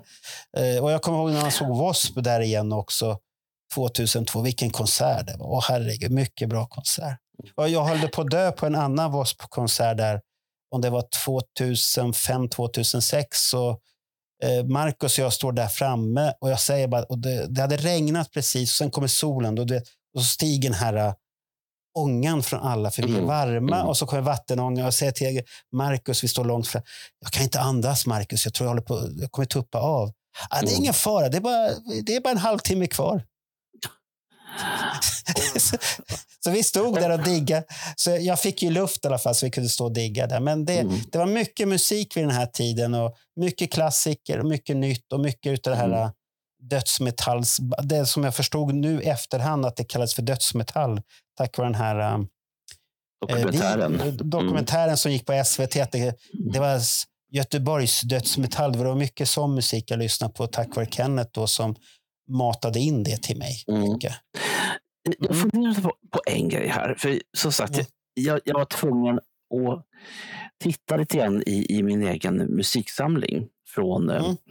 Ja. eh, Framförallt från 10-talet men även från 00-talet. Ja, kan du prata lite längre ifrån mikrofonen? Ja, det kan jag också. Sådär, nu vart det bättre. Ja, för du, ja. du svalde nästan den där. Du, Ja, I all det- upphetsning här nu. Ja. Ja, vad Nej, var men- det du har kommit fram till nu? Nej, men jag sitter och funderar lite grann. För att eh, Kiss till exempel, som inte har gjort några nya skivor sedan 2014, Monster. Mm. Eh, och så är det andra band som är bara nostalgiprogram. Nej, nostalgi, Ja. eh, inte program. eh, Band heter det. Mm. Och de åker alltså ut med sin, sin gamla katalog och så är folk nöj, nöjda. Eh, Billy Joel till exempel, han har Ja. gjort en ny skiva sedan 90-talet. Eh, och jag funderar lite grann på när började den här nostalgivågen? Att många band åker bara ut med en gammal katalog för det är det som folk eh, verkar som vill ha. Men, men började inte det mycket tack vare de här um, festivalerna på 2000-talet? När 90-talet var över, Mm. eh, grungen och allt det här har styrt, så kommer 2000-talet. Då kommer de här... Eh, det blir en så här... um, folk börjar fråga efter de här gamla banden. Ja. Mycket, ja, och då, då blir det en efterfrågan och de börjar sälja igen. Folk Mm. frågar, de släpper. De har, vissa har ju släppt fort som Saxon. De höll ju på och släppte musik och eh, var Mm. väldigt hårda ett tag. Och de Mhm. hittade det där hårdare soundet som de fortfarande än idag har. Det Mhm. hittade de ju någon gång där på 2000-talet eller sent 90-tal med skivan Dogs of War. Och det, det är en Mm. skiva som jag säger att du har ingen aning vad det är för Saxon-skiva. Det säger jag på en gång. För att det, det är en helt annan Saxon som kom på slutet av 90-talet. För det, jag kan tänka mig att många av de banden de hade ju dödsångest där. Mm. Är, är vi borta för gott nu eller vad ska vi göra? För du, du hade ju Motley Crue som då precis innan grungen hade släppt ut sin den här Dr. Feelgood-skivan. Mm. Och den, den Och- sålde ju väldigt bra och gav dem en status. Och Ja. alla band som han få en status innan det här äh, fallet kom från de här puderfrissorna som bara sjöng om vackra kvinnor och så hade de fyra ballader på skivan för att det var det skivbolaget skulle ha och sen var det stora friller och man skulle se vacker ut. Och det, det var ingenting viktigt hur musiken lät. Sen kan man ju säga att vissa av de banden lät ju väldigt bra. Det var ju många band som inte fick chansen tack vare det heller. Som dök undan och föll för det. Du har ju som han, hette de här, Cinderella. De kom ju i slutet av Just det, ja. 80-talet. Är det 86 de gjorde första och sen fi- fick de en karriär och sen vart det väl. Mm. Och de, de var ju aldrig riktigt det här um, vackra pojkbandet precis. De såg ju ut som en sak på skivomslaget, men de, de var ju inte riktigt det här. För det var ju mer rock'n'roll och de hade ju en sångare som var otroligt duktig på att sjunga uh, häftig rock'n'roll. Mm. Och det är det, och det, är det som frågas. Och det, så det är många band som har skapat sig myt, men band som Rat till exempel, Mm. de, do- de dog ju där definitivt. Mm. Har, har de gjort någonting efter 90 som är värt att nämna? Det undrar jag. Mm. Nej, Ja, jag- det- det- därför, ja. Det, det är det som är många band. Så att, ku- kunde du inte leverera någonting vettigt så är du borta. Mm. Eller, eller hålla kvar och ha pengar på kontot så att du lyckas överleva. Det, Det är Mm. ungefär Mm. som i dagens läge. Du måste överleva här tills inflationen går ner och du börjar känna sig, då, då kan man börja spendera och kanske planera en Kiss Cruise och Ja. alltihopa sånt Ja. här. Ja, för det, det, det är faktiskt en grej som har slagit mig bland all ny musik som faktiskt kommer. Mm. Eh, så lever fortfarande de här nostalgibanden. Fast de, de lever på med gamla graser helt enkelt. Ja. Och jag tycker det Men de, är... men de, men de Mm. kommer ju inte försvinna för att du, du har ju som du och jag här nu. Eh, vi har ju fortfarande jättestora referenser till våra band från 70-talet. Mm, och 80. Vi, vi älskar, vi, jag, jag såg ju Sweet på Sweden Rock och älskade det. Se- Sen var det ju bara en enda gubbe från Sweet som var på scen. Men det spelade ingen roll för att jag älskade det. Och, det, och så, så är det ju med många band idag att det är mycket den här äh, nostalgiådran som väcks till liv och du, får, du hamnar i ditt medvetna långt bak. Nu låter, nu låter det som ett farligt samtal till någon här. Du är så nära mikrofonen Bernt nu. Du andas för hårt här nu bara för att jag säger nostalgi. Här. Men ja, det, det, det är det som är det. Att alla har ju den där och sen gäller det att putta in nya grejer in i det där för att hålla musiken fräsch. Och det är väl det som jag gör idag till exempel att jag lyssnar ju på mycket musik och får tips av sönerna på ny musik. Att eh, det är som Gabe, han lyssnar ju på sån här K-pop. Ah, ja. Det, det är inte många som lyssnar och det är inte många som, de, de, de gör jävligt snygga videos och de är vackra att Mm. titta på. ja, ja. Eh, vi- visst, jag började lyssna på Blackpink och det finns vissa låtar jag tycker är bra. Som jag har med i min spellista, stora spellista som jag brukar spela. Eh, som heter Gran Turismo. Om man följer mig på, på Spotify så hittar man den där, Gran Turismo. Där, där, Mm. där brukar jag lägga låtar som jag tycker om och då stannar de kvar där. Så ibland kan någon åka dit. Men det finns ju mycket artister. Du har ju Amorphis, finskt hårdrock som har kommit som blandar det här djupa med i refränger som går i jättehög ton och är väldigt poppiga. Och det är många band som är så. Du har ju Nestor som har kommit Mm. nyligen, som, som själva säger att de har funnits sedan 80-talet, men de, de, de, nu, nu gjorde de sin verklighet och kom och de var i förband till Kiss. Så, eh, antingen förstår man det där, vilken nerv, för de, de hänvisar ju till den här eh, slutet av 80-talet nostalgin. Det är ju den som de hävdar till när de här pudelbanden var som störst och det är väldigt Ja. mycket sådana melodier. Så att Mm. antingen gillar man det eller så gör man inte det. Men sen har du Eclipse, ett annat sånt svenskt band som är väldigt bra tycker jag.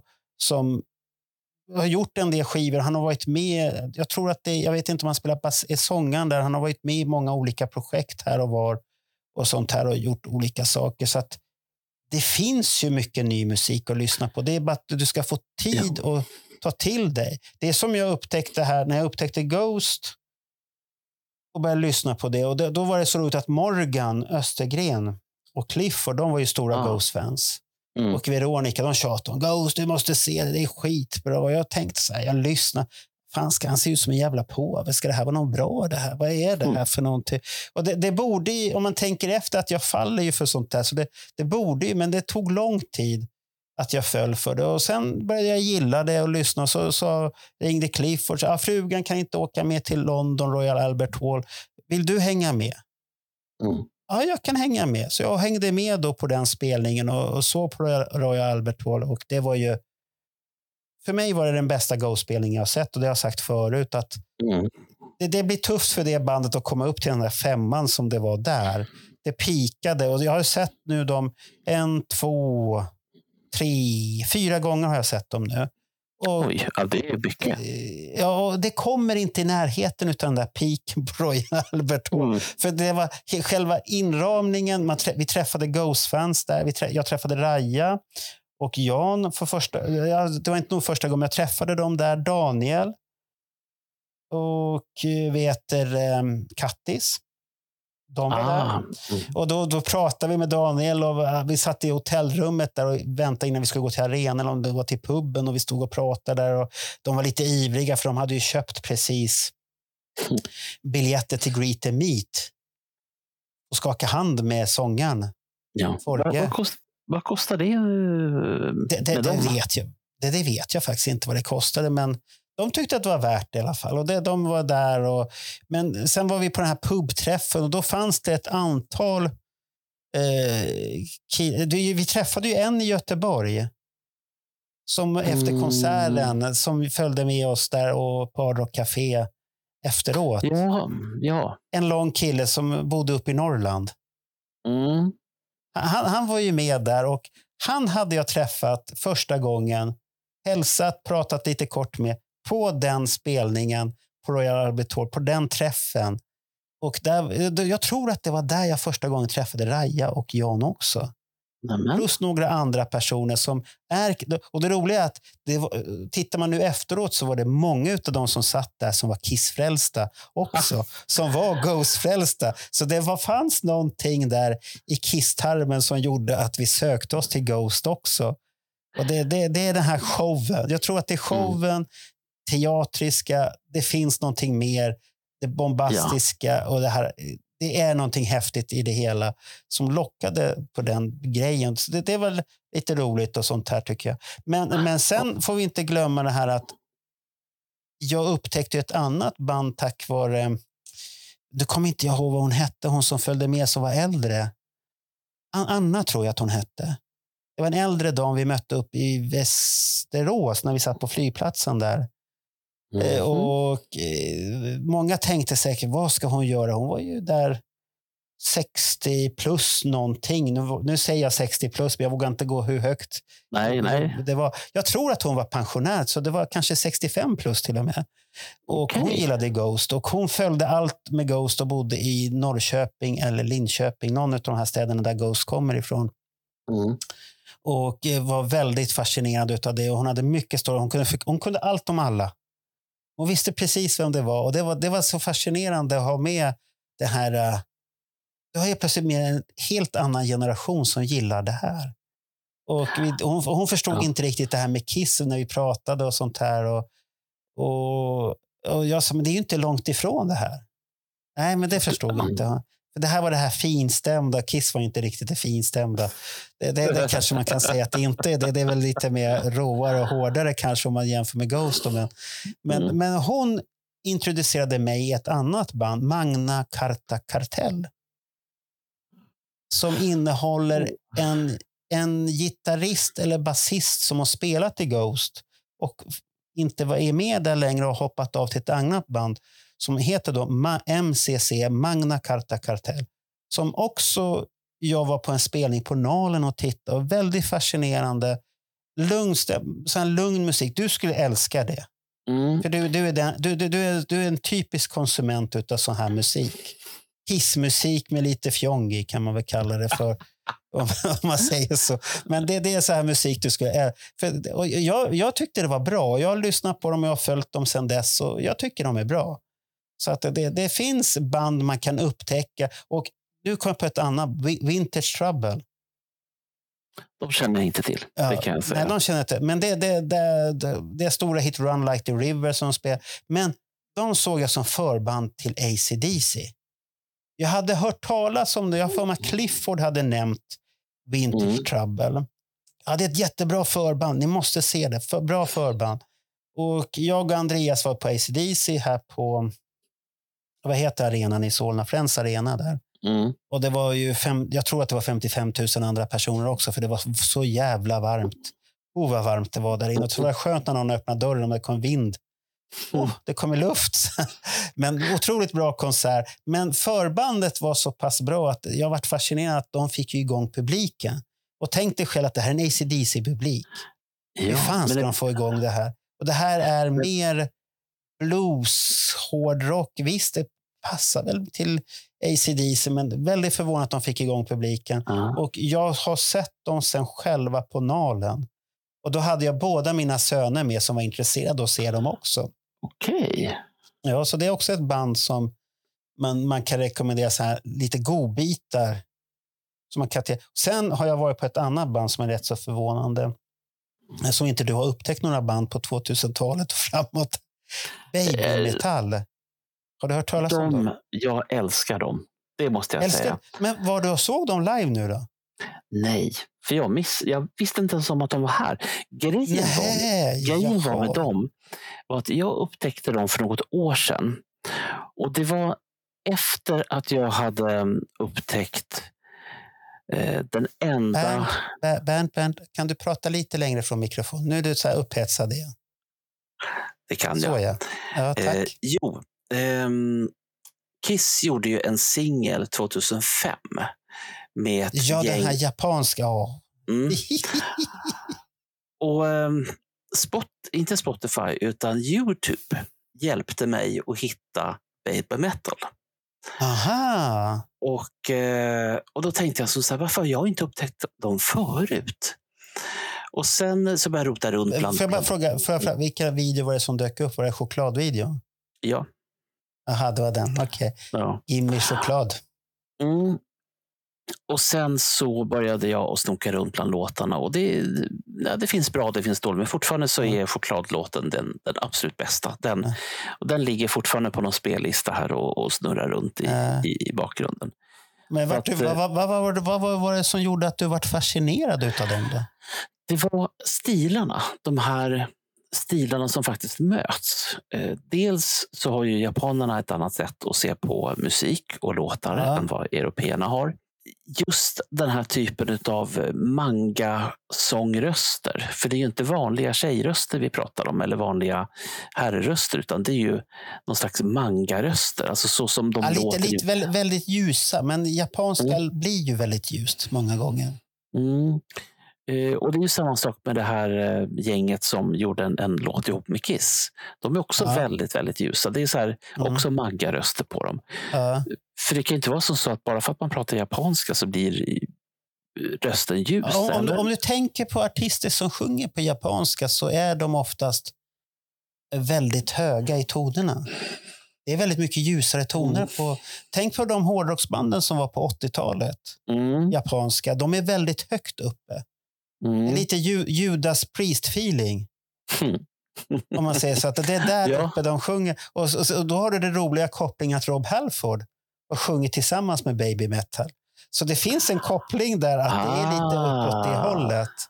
Att det passar väldigt bra. Okej. Lite, lite lustigt egentligen. Mm. Ja, om man tänker så. Men, så att det, för att det, det jag fascinerades av det var det här um, hårda som du sa. Mm. Och samtidigt den här uh, melodin, mjuka melodin som kommer i Mm. verserna. Och det är Mm. lite som am, finska Amorphis.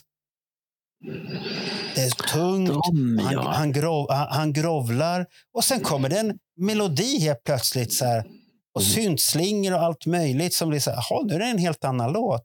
Mm. Det är den här harmonin som är så jävla fin tycker Mm. jag. Och Mm. passar. Och det är samma med de här uh, baby metal. Så jag, jag såg ju dem på, var det på Annexet vi såg? Eller på den här, jo, Annexet var det.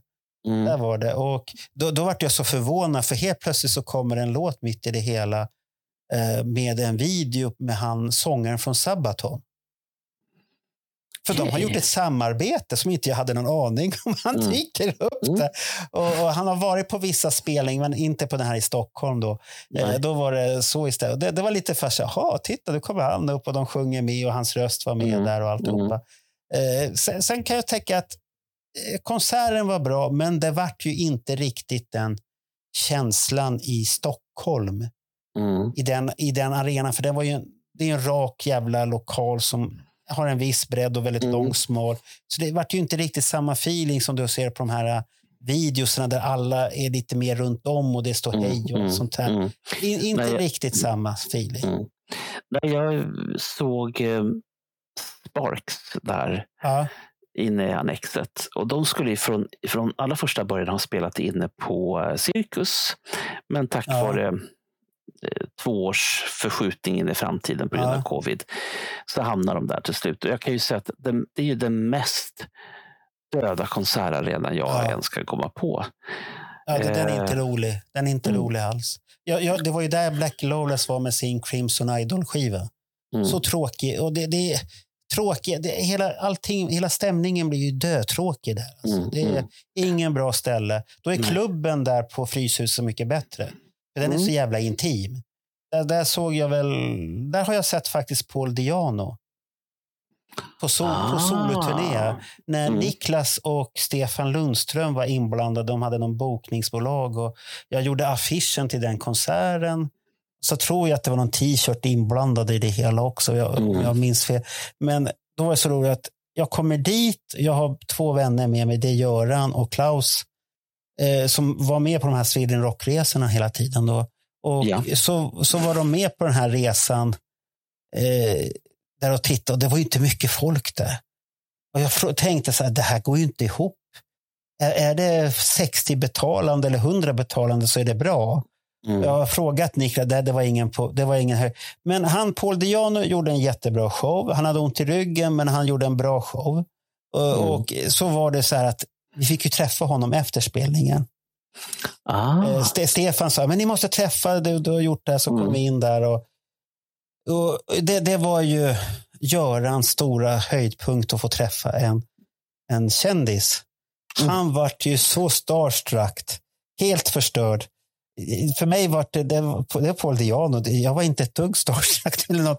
Det var Mm. stort för mig. För det var Paul Diano som jag diggat. Hans, men nu var det en gammal gubbe som är skallig och tjock och Mm. rund och ont i ryggen och dricker en lättöl eller vad fan han drack för någonting. Han bjöd på lättöl också. Mm. Och det, det, det var så här. Och, men för Göran var det en upplevelse. Han har ju gillat med Iron Maidens första album. För honom var det en jättestor... Han, Mm. han, jag vet inte hur många gånger han tackade mig för att han fick uppleva det. Jag sa, ja, men du behöver inte tacka. Jag är jättebra glad att du är glad. Mm. Mm. Att det var en upplevelse för det. Du behöver inte tacka för det. Det är bra. Men han, för honom var det så stort att få träffa det, sin första kändis. Och, det, och det, där, det som var häftigt, det var att få se hans lycka. Det, det var häftigt. Mm. Ja, se den här lyckan där. och, och, och, och så är det ju ibland att, att Mm. även om det är som så att man själv eh, kanske inte tyckte att det här inte är den allra bästa konserten jag har varit på. Äh, Och så ser man andra som man Ja. känner som är alldeles saliga. Då kan man ju leva utifrån deras lycka, precis Ja. på det viset som, som, som du berättade. äh. Och jag tycker det är, det är fint. Det är jättefint. Ja, men så, såklart det är fint Mm. och det är, det, det är en häftig upplevelse att få se glädje hos andra människor. Det är det Mm. och det, det är roligt. Men nu måste vi börja avrunda det här. Vad, vad, det, det är inte vi har tagit upp här överhuvudtaget. Det, det är de här eh, som jag tycker är väldigt imponerande. Det är den här nya vågen som har pågått nu. Är det tio år den har pågått ungefär? Sedan Mm. 2010. De här alla, alla kvinnliga svenska artister som kommer upp Ja, de här nya som jag tycker att det finns så många som har så otrolig sångröst. Du har Molly Sandén, Tove Styrke, eh, Daniela Ratana. Otroligt häftig röst också. Eh, Fröken Grant får vi inte glömma bort. Ja. Och sen har du Shirin. Men nu pratar jag bara om svenska. Vet Ja, du vem ja, ja. Shirin är? Har du hört hennes röst? Ja, och den Ja, är otro- precis mm. Ja. Och det är som det, det, många- ja. Det, det är som så många, som så många av de här andra rösterna, alltså de här eh, svenska, eh, oavsett Mm. vad det är för någonting. Eh, Titta till exempel som M som Molly Sandén. Mm. hur hon har utvecklats. Och samma med Tove Styrke, hon börjar sin eh, karriär med Idol. Ja, jag, jag tänkte jag, jag, slänger på lite kvinnliga artister som jag faktiskt har Mm. i huvudet. Och det är ju Klara Klingenström. Det är Dotter. Det är Myra Granberg. Det Ja. är Miss, Miss Li. Uh, du kan ju slänga på lite fler. för att Jag skulle vilja säga att det finns eh, Sofia Jannok, om när du pratar om samer. Ja, Eh, fantastisk röst det också. First Aid Kit får du inte glömma ja. bort. Nej, det får vi inte glömma bort. Alltså det finns ju hur många som helst. men det är ju det Mm. som är det roliga när det kommer så här artister. att Man kan inte säga att det inte finns musik att lyssna på. Det, det är väl, hur Nej. tar du det till dig? Mm. I sådana Och- fall, och- det- har du ett öppet sinne så är det fan inte svårt att hitta band idag och lyssna Nej, på. nej. Och, och rocken är ju hur långt ifrån död. Det finns så mycket du kan lyssna på idag och plocka fram och, och hitta. Det, det var ju som Mm. jag hittade här och det, det var ju tack vare eh, Youtube vi hittade när Andreas och jag satt och Youtubade här hemma så hittade vi något konstigt italienskt hårdrocksband. Eh, Det är väl en något... Eh, ja, vad ska Måneskin? man säga? Nej, inte Måneskin, inte det.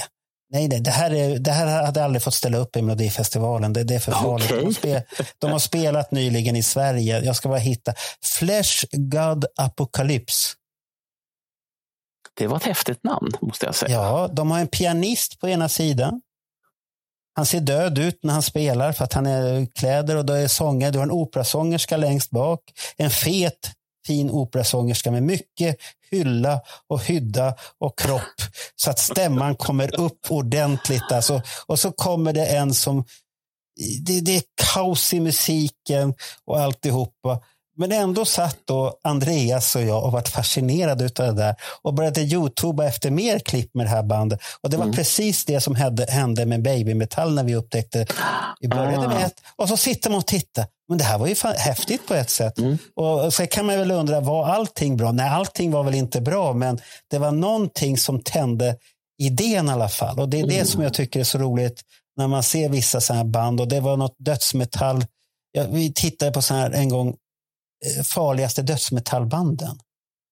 Och det- det, det där vet inte jag vilka som är farliga. För enligt mig så tycker jag väl egentligen Mayhem tillhör väl det farligaste som man kan säga i dödsmetall som man har levt som den sångaren som fanns där, svensken, levde med döda råttor och skulle ha kläderna inbakade och sånt här.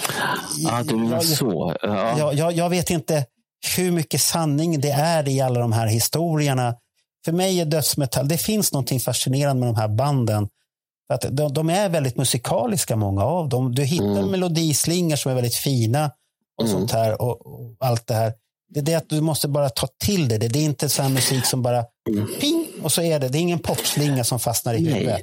Och, och där kan jag säga, för jag, jag försöker att snabblyssna på all ny musik som kommer, Ja. med, med, med visst undantag. Och eh, Det som jag väljer bort, det det är egentligen två kategorier som jag kan tänka på rakt upp och ner. Det ena är de som har en growl-röst. Och Ja. där, det bandet som du pratade om för en stund sedan, som hade de här enormt fina melodislingorna. Jag bara tänkte, fy fan vad bra de låter. Och sen måste ni growla. Fan ta Ja, er. ja, men det, det, det får ju musiken att komma till en annan dimension också. Ja, men jag vill inte ha det. Kan jag få en Ja specialversion men, det, det, ja, men det funkar live jättebra. Du har det här och så Ja. kommer antiklimax med en refräng som är fin. Och du får ju det här äh, som han många gånger sjunger i sina låtar om det onda och det goda i ett samspel. Mm. Du får, du, du får se det i Mm. stora hela. Och det är sam, samma med det här Ginger. Det så hette ukrainska bandet. att när du kommer dit första gången så hör du henne sjunga en jättefin, vacker röst. Och sen kommer det bara... "Åh." Mm. Och du bara undrar, vad kom det if där? Det, det är ju som att se Exorcisten live för fan på scen. Mm. Jag har, Helt plötsligt. Det, jag det, har en, ja, nej, det, du gillar inte det där. nej, men jag kan säga så här, jag har en jättestor utmaning. Det finns ett band som heter Hat- Hattari och de är isländska. Ja. Eh, de råkar ha varit med i Eurovision 2019 eh, och de var otroligt politiska, så politiska så att de höll Mm. på att inte få vara med överhuvudtaget. Men varför jag nämner dem det är att de har två olika sångstämmor. Dels growl-sångaren och sen Ja. ängelsångaren. Så att, och I och med att de alternerar de här två, då känner jag bara att ja, men det här pallar jag med. Därför att Hattari som visuellt band är suveräna. De är Ja, men, men, Så- då borde ju, då, men då borde Amorphis funka för dig också. jag får ge dem en ny chans helt enkelt. Ge dem en så. ny chans. Lyssna på vissa skivor så finns det skivor där han sjunger mera och sånt här. För att du, du klarar ju av mycket. Det, det är ingen Ja. fara det där. Nej, nej, nej. nej. Det, det är att viss musik måste få någon chans att kunna komma till dig på något sätt Mm. också. Mm. Så det, det är inte så lätt. Och där. Men nu Nej. börjar vi väl komma till slutet på den här långmaratonen som inte skulle bli så lång och så vart den väldigt lång. Så att det blir en så här um, specialare igen. Vi har alldeles för mycket att babbla. Det är bättre när det är gäster för då måste vi lyssna på andra. Mm. Så att vi, vad, vad, vad har vi annars att berätta här som avslutar de som har orkat lyssna ända hit? Då? Jag kan väl bjuda på vad jag ska göra framöver. Mm. Jag har ju eh, eh, gått ifrån att plugga till att jag börjat jobba på ett eh, svenskt statligt företag. Mer än så tänker jag inte berätta här. Är ni nyfikna så får ni gå på LinkedIn och, och leta istället. Men jag har en tjänsteresa till Köpenhamn. Jag kommer att åka iväg, i alla fall nu när du och jag pratar med varandra, så kommer Ja. jag åka iväg imorgon. Och eh, då tänkte jag så här, för söndag kväll är ledig för mig och måndag kväll. Och jag tänkte se om det inte finns lite Kiss i Köpenhamn som... Ja, det finns mycket Kiss där. Mm, Mycket. ja. Men, men, men då måste jag fråga, då, då måste jag, nu kommer samvetet in här igen. Mm. Vad är det som ska hända med det här materialet? Ska det arkiveras? Eller ska det komma ut någon gång? När, när kommer Bernt Månsson på söndagar ut från garderoben igen? Nu, nu tycker jag att Bernt Månsson på söndagar i garderoben, det, det är lite tråkigt för det händer ingenting där. Ja. Nej, men, men då vet man ju vad man får också. Då får man ju en... Ja. Ett, ett, får, det är ju som så här, eh, för att citera Ulf Lundell, att en, en, en, inst, en inställd vlogg är ju också en vlogg. Är det inte så? Nej, det är det inte. Nej, det där är Ulf Lundell. Det, det, det funkar inte. Det funkar. Det, och det, det blir en kris när Youtube börjar rekommendera gamla Bernt Månsson på söndagar till mig. Jaha, är det så det Det är? har, Är det det har, det har fallit så. Att Bernt, de har, de har börjat rekommendera. Det här har du, har du, vill du titta igen? Och det, de så, nej, jag har sett det där. Fan. Det, måste, som, hända det- någonting där. Bernt. Ja. Det, det som Ja. också har hänt är ju att jag har ju fått väldigt många nya följare trots att de inte fått något nytt avsnitt. Och jag tror att det är som så att de här kommer ifrån USA. För att för, har, vi berättat här i podden att ehm, eh, vi varit inbjudna att hänga med på eh, Kiss-fack? För de heter väl fack? Eller hur var det nu? Ja, Kiss FAQ. Ja. Eh, och då var vi tre stycken som var med till slut. Det var ju eh, dels Alexander Johansson, det var Nils Svensson Bräcke och jag själv. Du, ja, du. Ja. Ja. Så att det, det har jag gjort. Räknas inte det? Ja. Inte det eh, att komma ut ur Ja, garderoben? men lite då, då, då har du inte jobbat någonting. Du har bara suttit och babblat det du älskar. Det- är en helt annan sak för dig att babbla och sånt här. Så det där har du inga problem med. Så att det, det förstår jag Ja. att de tyckte. Att du, och Daniel var på det, det, oss här igen. Jag tackade bestämt nej för att jag har fullt upp med det här. Och jag har samtidigt ett annat projekt som jag vill testa. Och det, det, och det projektet innefattar ju dig, att jag måste åka till Nynäshamn och besöka dig. Oj, Innefattar Ja, det det, projektet. det Ja, låter... det, det, du, du kommer älska det, för du är en linslus.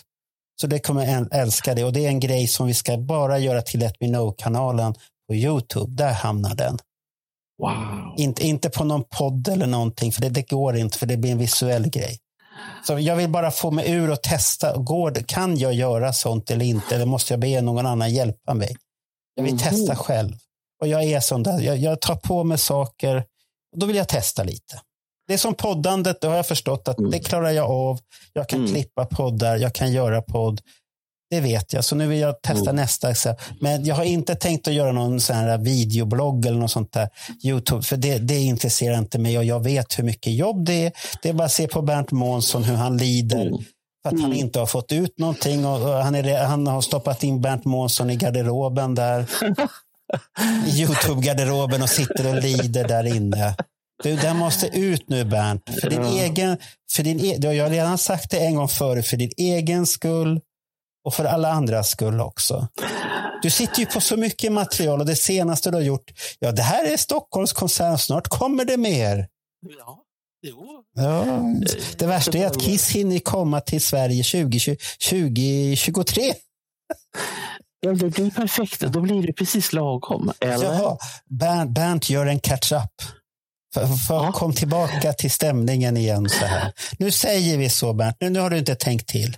Du ska till Danmark nu och så får du dricka en god pilsner där. Och jag har fått ett helvete med klippning nu, tack vare dig.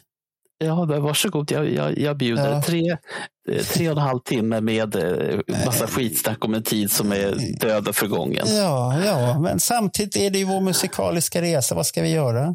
Ja, Och ja, vad, kom vi fram till det? Att det, det egentligen är vi en, det är en äggröra. Vad kom, musikaliskt så kom vi fram till att det är en äggröra, en cocktail utav vad som helst. Ja, och inte bara Ja. det. Det var bättre förr. Nej, det, det skulle inte jag säga. Nej, det nej, nej, nej, det finns bra musik idag också. Det fanns bra musik förr och det finns bra musik idag. Men det, det, det man kan säga, konstatera är att den musiken vi hade i vår ungdom har ju påverkat oss väldigt mycket. Ja, självfallet. Det, det, det kommer man inte ifrån och det, det, det är ju bara så.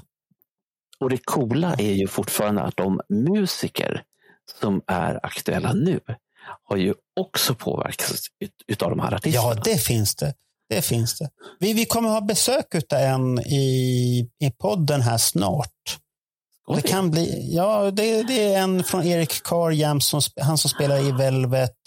Ah, Vad, vad, gud vad, har roligt. de, är det Velvet Insane eller Velvet, Ja. nej inte ve- nej, ja, Det kan inte vara Velvet Underground för det låter lite stor, som en, en större grupp det, eller hur? Det måste vara Velvet Insane. Jag tror att han Ja. som är föregångsfigur för det bandet, Lou Reed, han har nog... Eh, jag skulle vilja prata med honom om eh, när han skrev låtar ihop med, Paul, med Gene Simmons. Men Ja, jag har hört något obehagligt rykte om att han har checkat ut. nej, Han han har inte checkat ut Lou Reed, jo. Att han är död? Ja. Jaha, okej, då har jag missat det. Ja, eh, bara för ordningens skull Okej. kan jag berätta att eh, en annan eh, välartad gentleman checkade ut idag och det är Sven Ja, men det vet jag. Det vet Ja, jag. Sven. Bertil. Jag såg att eh, T4 till och med körde en, en hyllning till honom där och då hade de i de här sekvenserna, det var en intervju från 70, eller 60, ja, 60 eller 70-talet där de säger Mm. så här, ja du är ju en typisk playboy du. Och så tittar jag på Åh. den här och så tittar jag på Sven-Bertil Taube. Ja, jag vet inte, ser han ut som en playboy? Han ser väldigt James Bond-aktig ut som James Bond Mm. såg ut på den tiden. Mm. Men jag, vet- jag får inga, jag får inga playboy-vibbar. Var han en playboy? Jag undrar mest, vad var en playboy? James Alltså- Bond. Du, så här. Ja, Ingen golddigger. Golddigger är någonting annat. Eh, ja. Playboy, Mm. världsvan man med karisma, leende, får vilken kvinna som helst. Och, vänta. Gene Simmons. eh, ja, han är en playboy tills han inte, och så länge han inte öppnar munnen. Men kvinnorna säger att han är trevlig. Det är bara att fråga Ella. För hon hade ju lagt upp bilder här nu på sin senaste rutt och så ja, Gene Simmons, det är gentleman som hade skrivit. Det kanske inte alla som tycker. Men, men det är roligt att kvinnorna tycker det alltid. Så det, det är Mm. fascinerande tycker jag. Men, han är ju, de, gånger jag träffat honom så är han trevlig. Det, det, det- han har aldrig varit... Sist jag såg honom då var det på, i Göteborg 2017. Han satt och muttrade för min t-shirt när Erik, Erik Singer sitter och säger titta vilken cool t-shirt han har. Mm, mm, mm, mm. Sitter i sin så Jag tänkte vad är det med honom i alla fall. Mm. Så kan det vara. 1983, ja. Eh, ja, nej, det, det, mig var det längre sedan. Mycket längre sedan. Men Nej, jag Nej, träffade och faktiskt Gene Simmons efteråt också på Volten kom jag på. Ja. Med Niklas, 18. ja. ja, ja. Just det, när jag bampfistade honom. Så, ja, just det, det har jag på bild också. Och Niklas då, vad fan kom du på det? Ja, men jag gjorde så, Gene Simmons kom direkt. Så, ding, ding. ja, det är hans, eh, hans Det, det var grej. lite roligt. Så det, Ja. Ska vi säga så nu? Ja, Har vi, ja, pratat, ja. Har, vi, har vi pratat av oss nu? Nej, jag är då inte klar, men det är en annan sak. Då säger vi så. Vi har pratat av oss.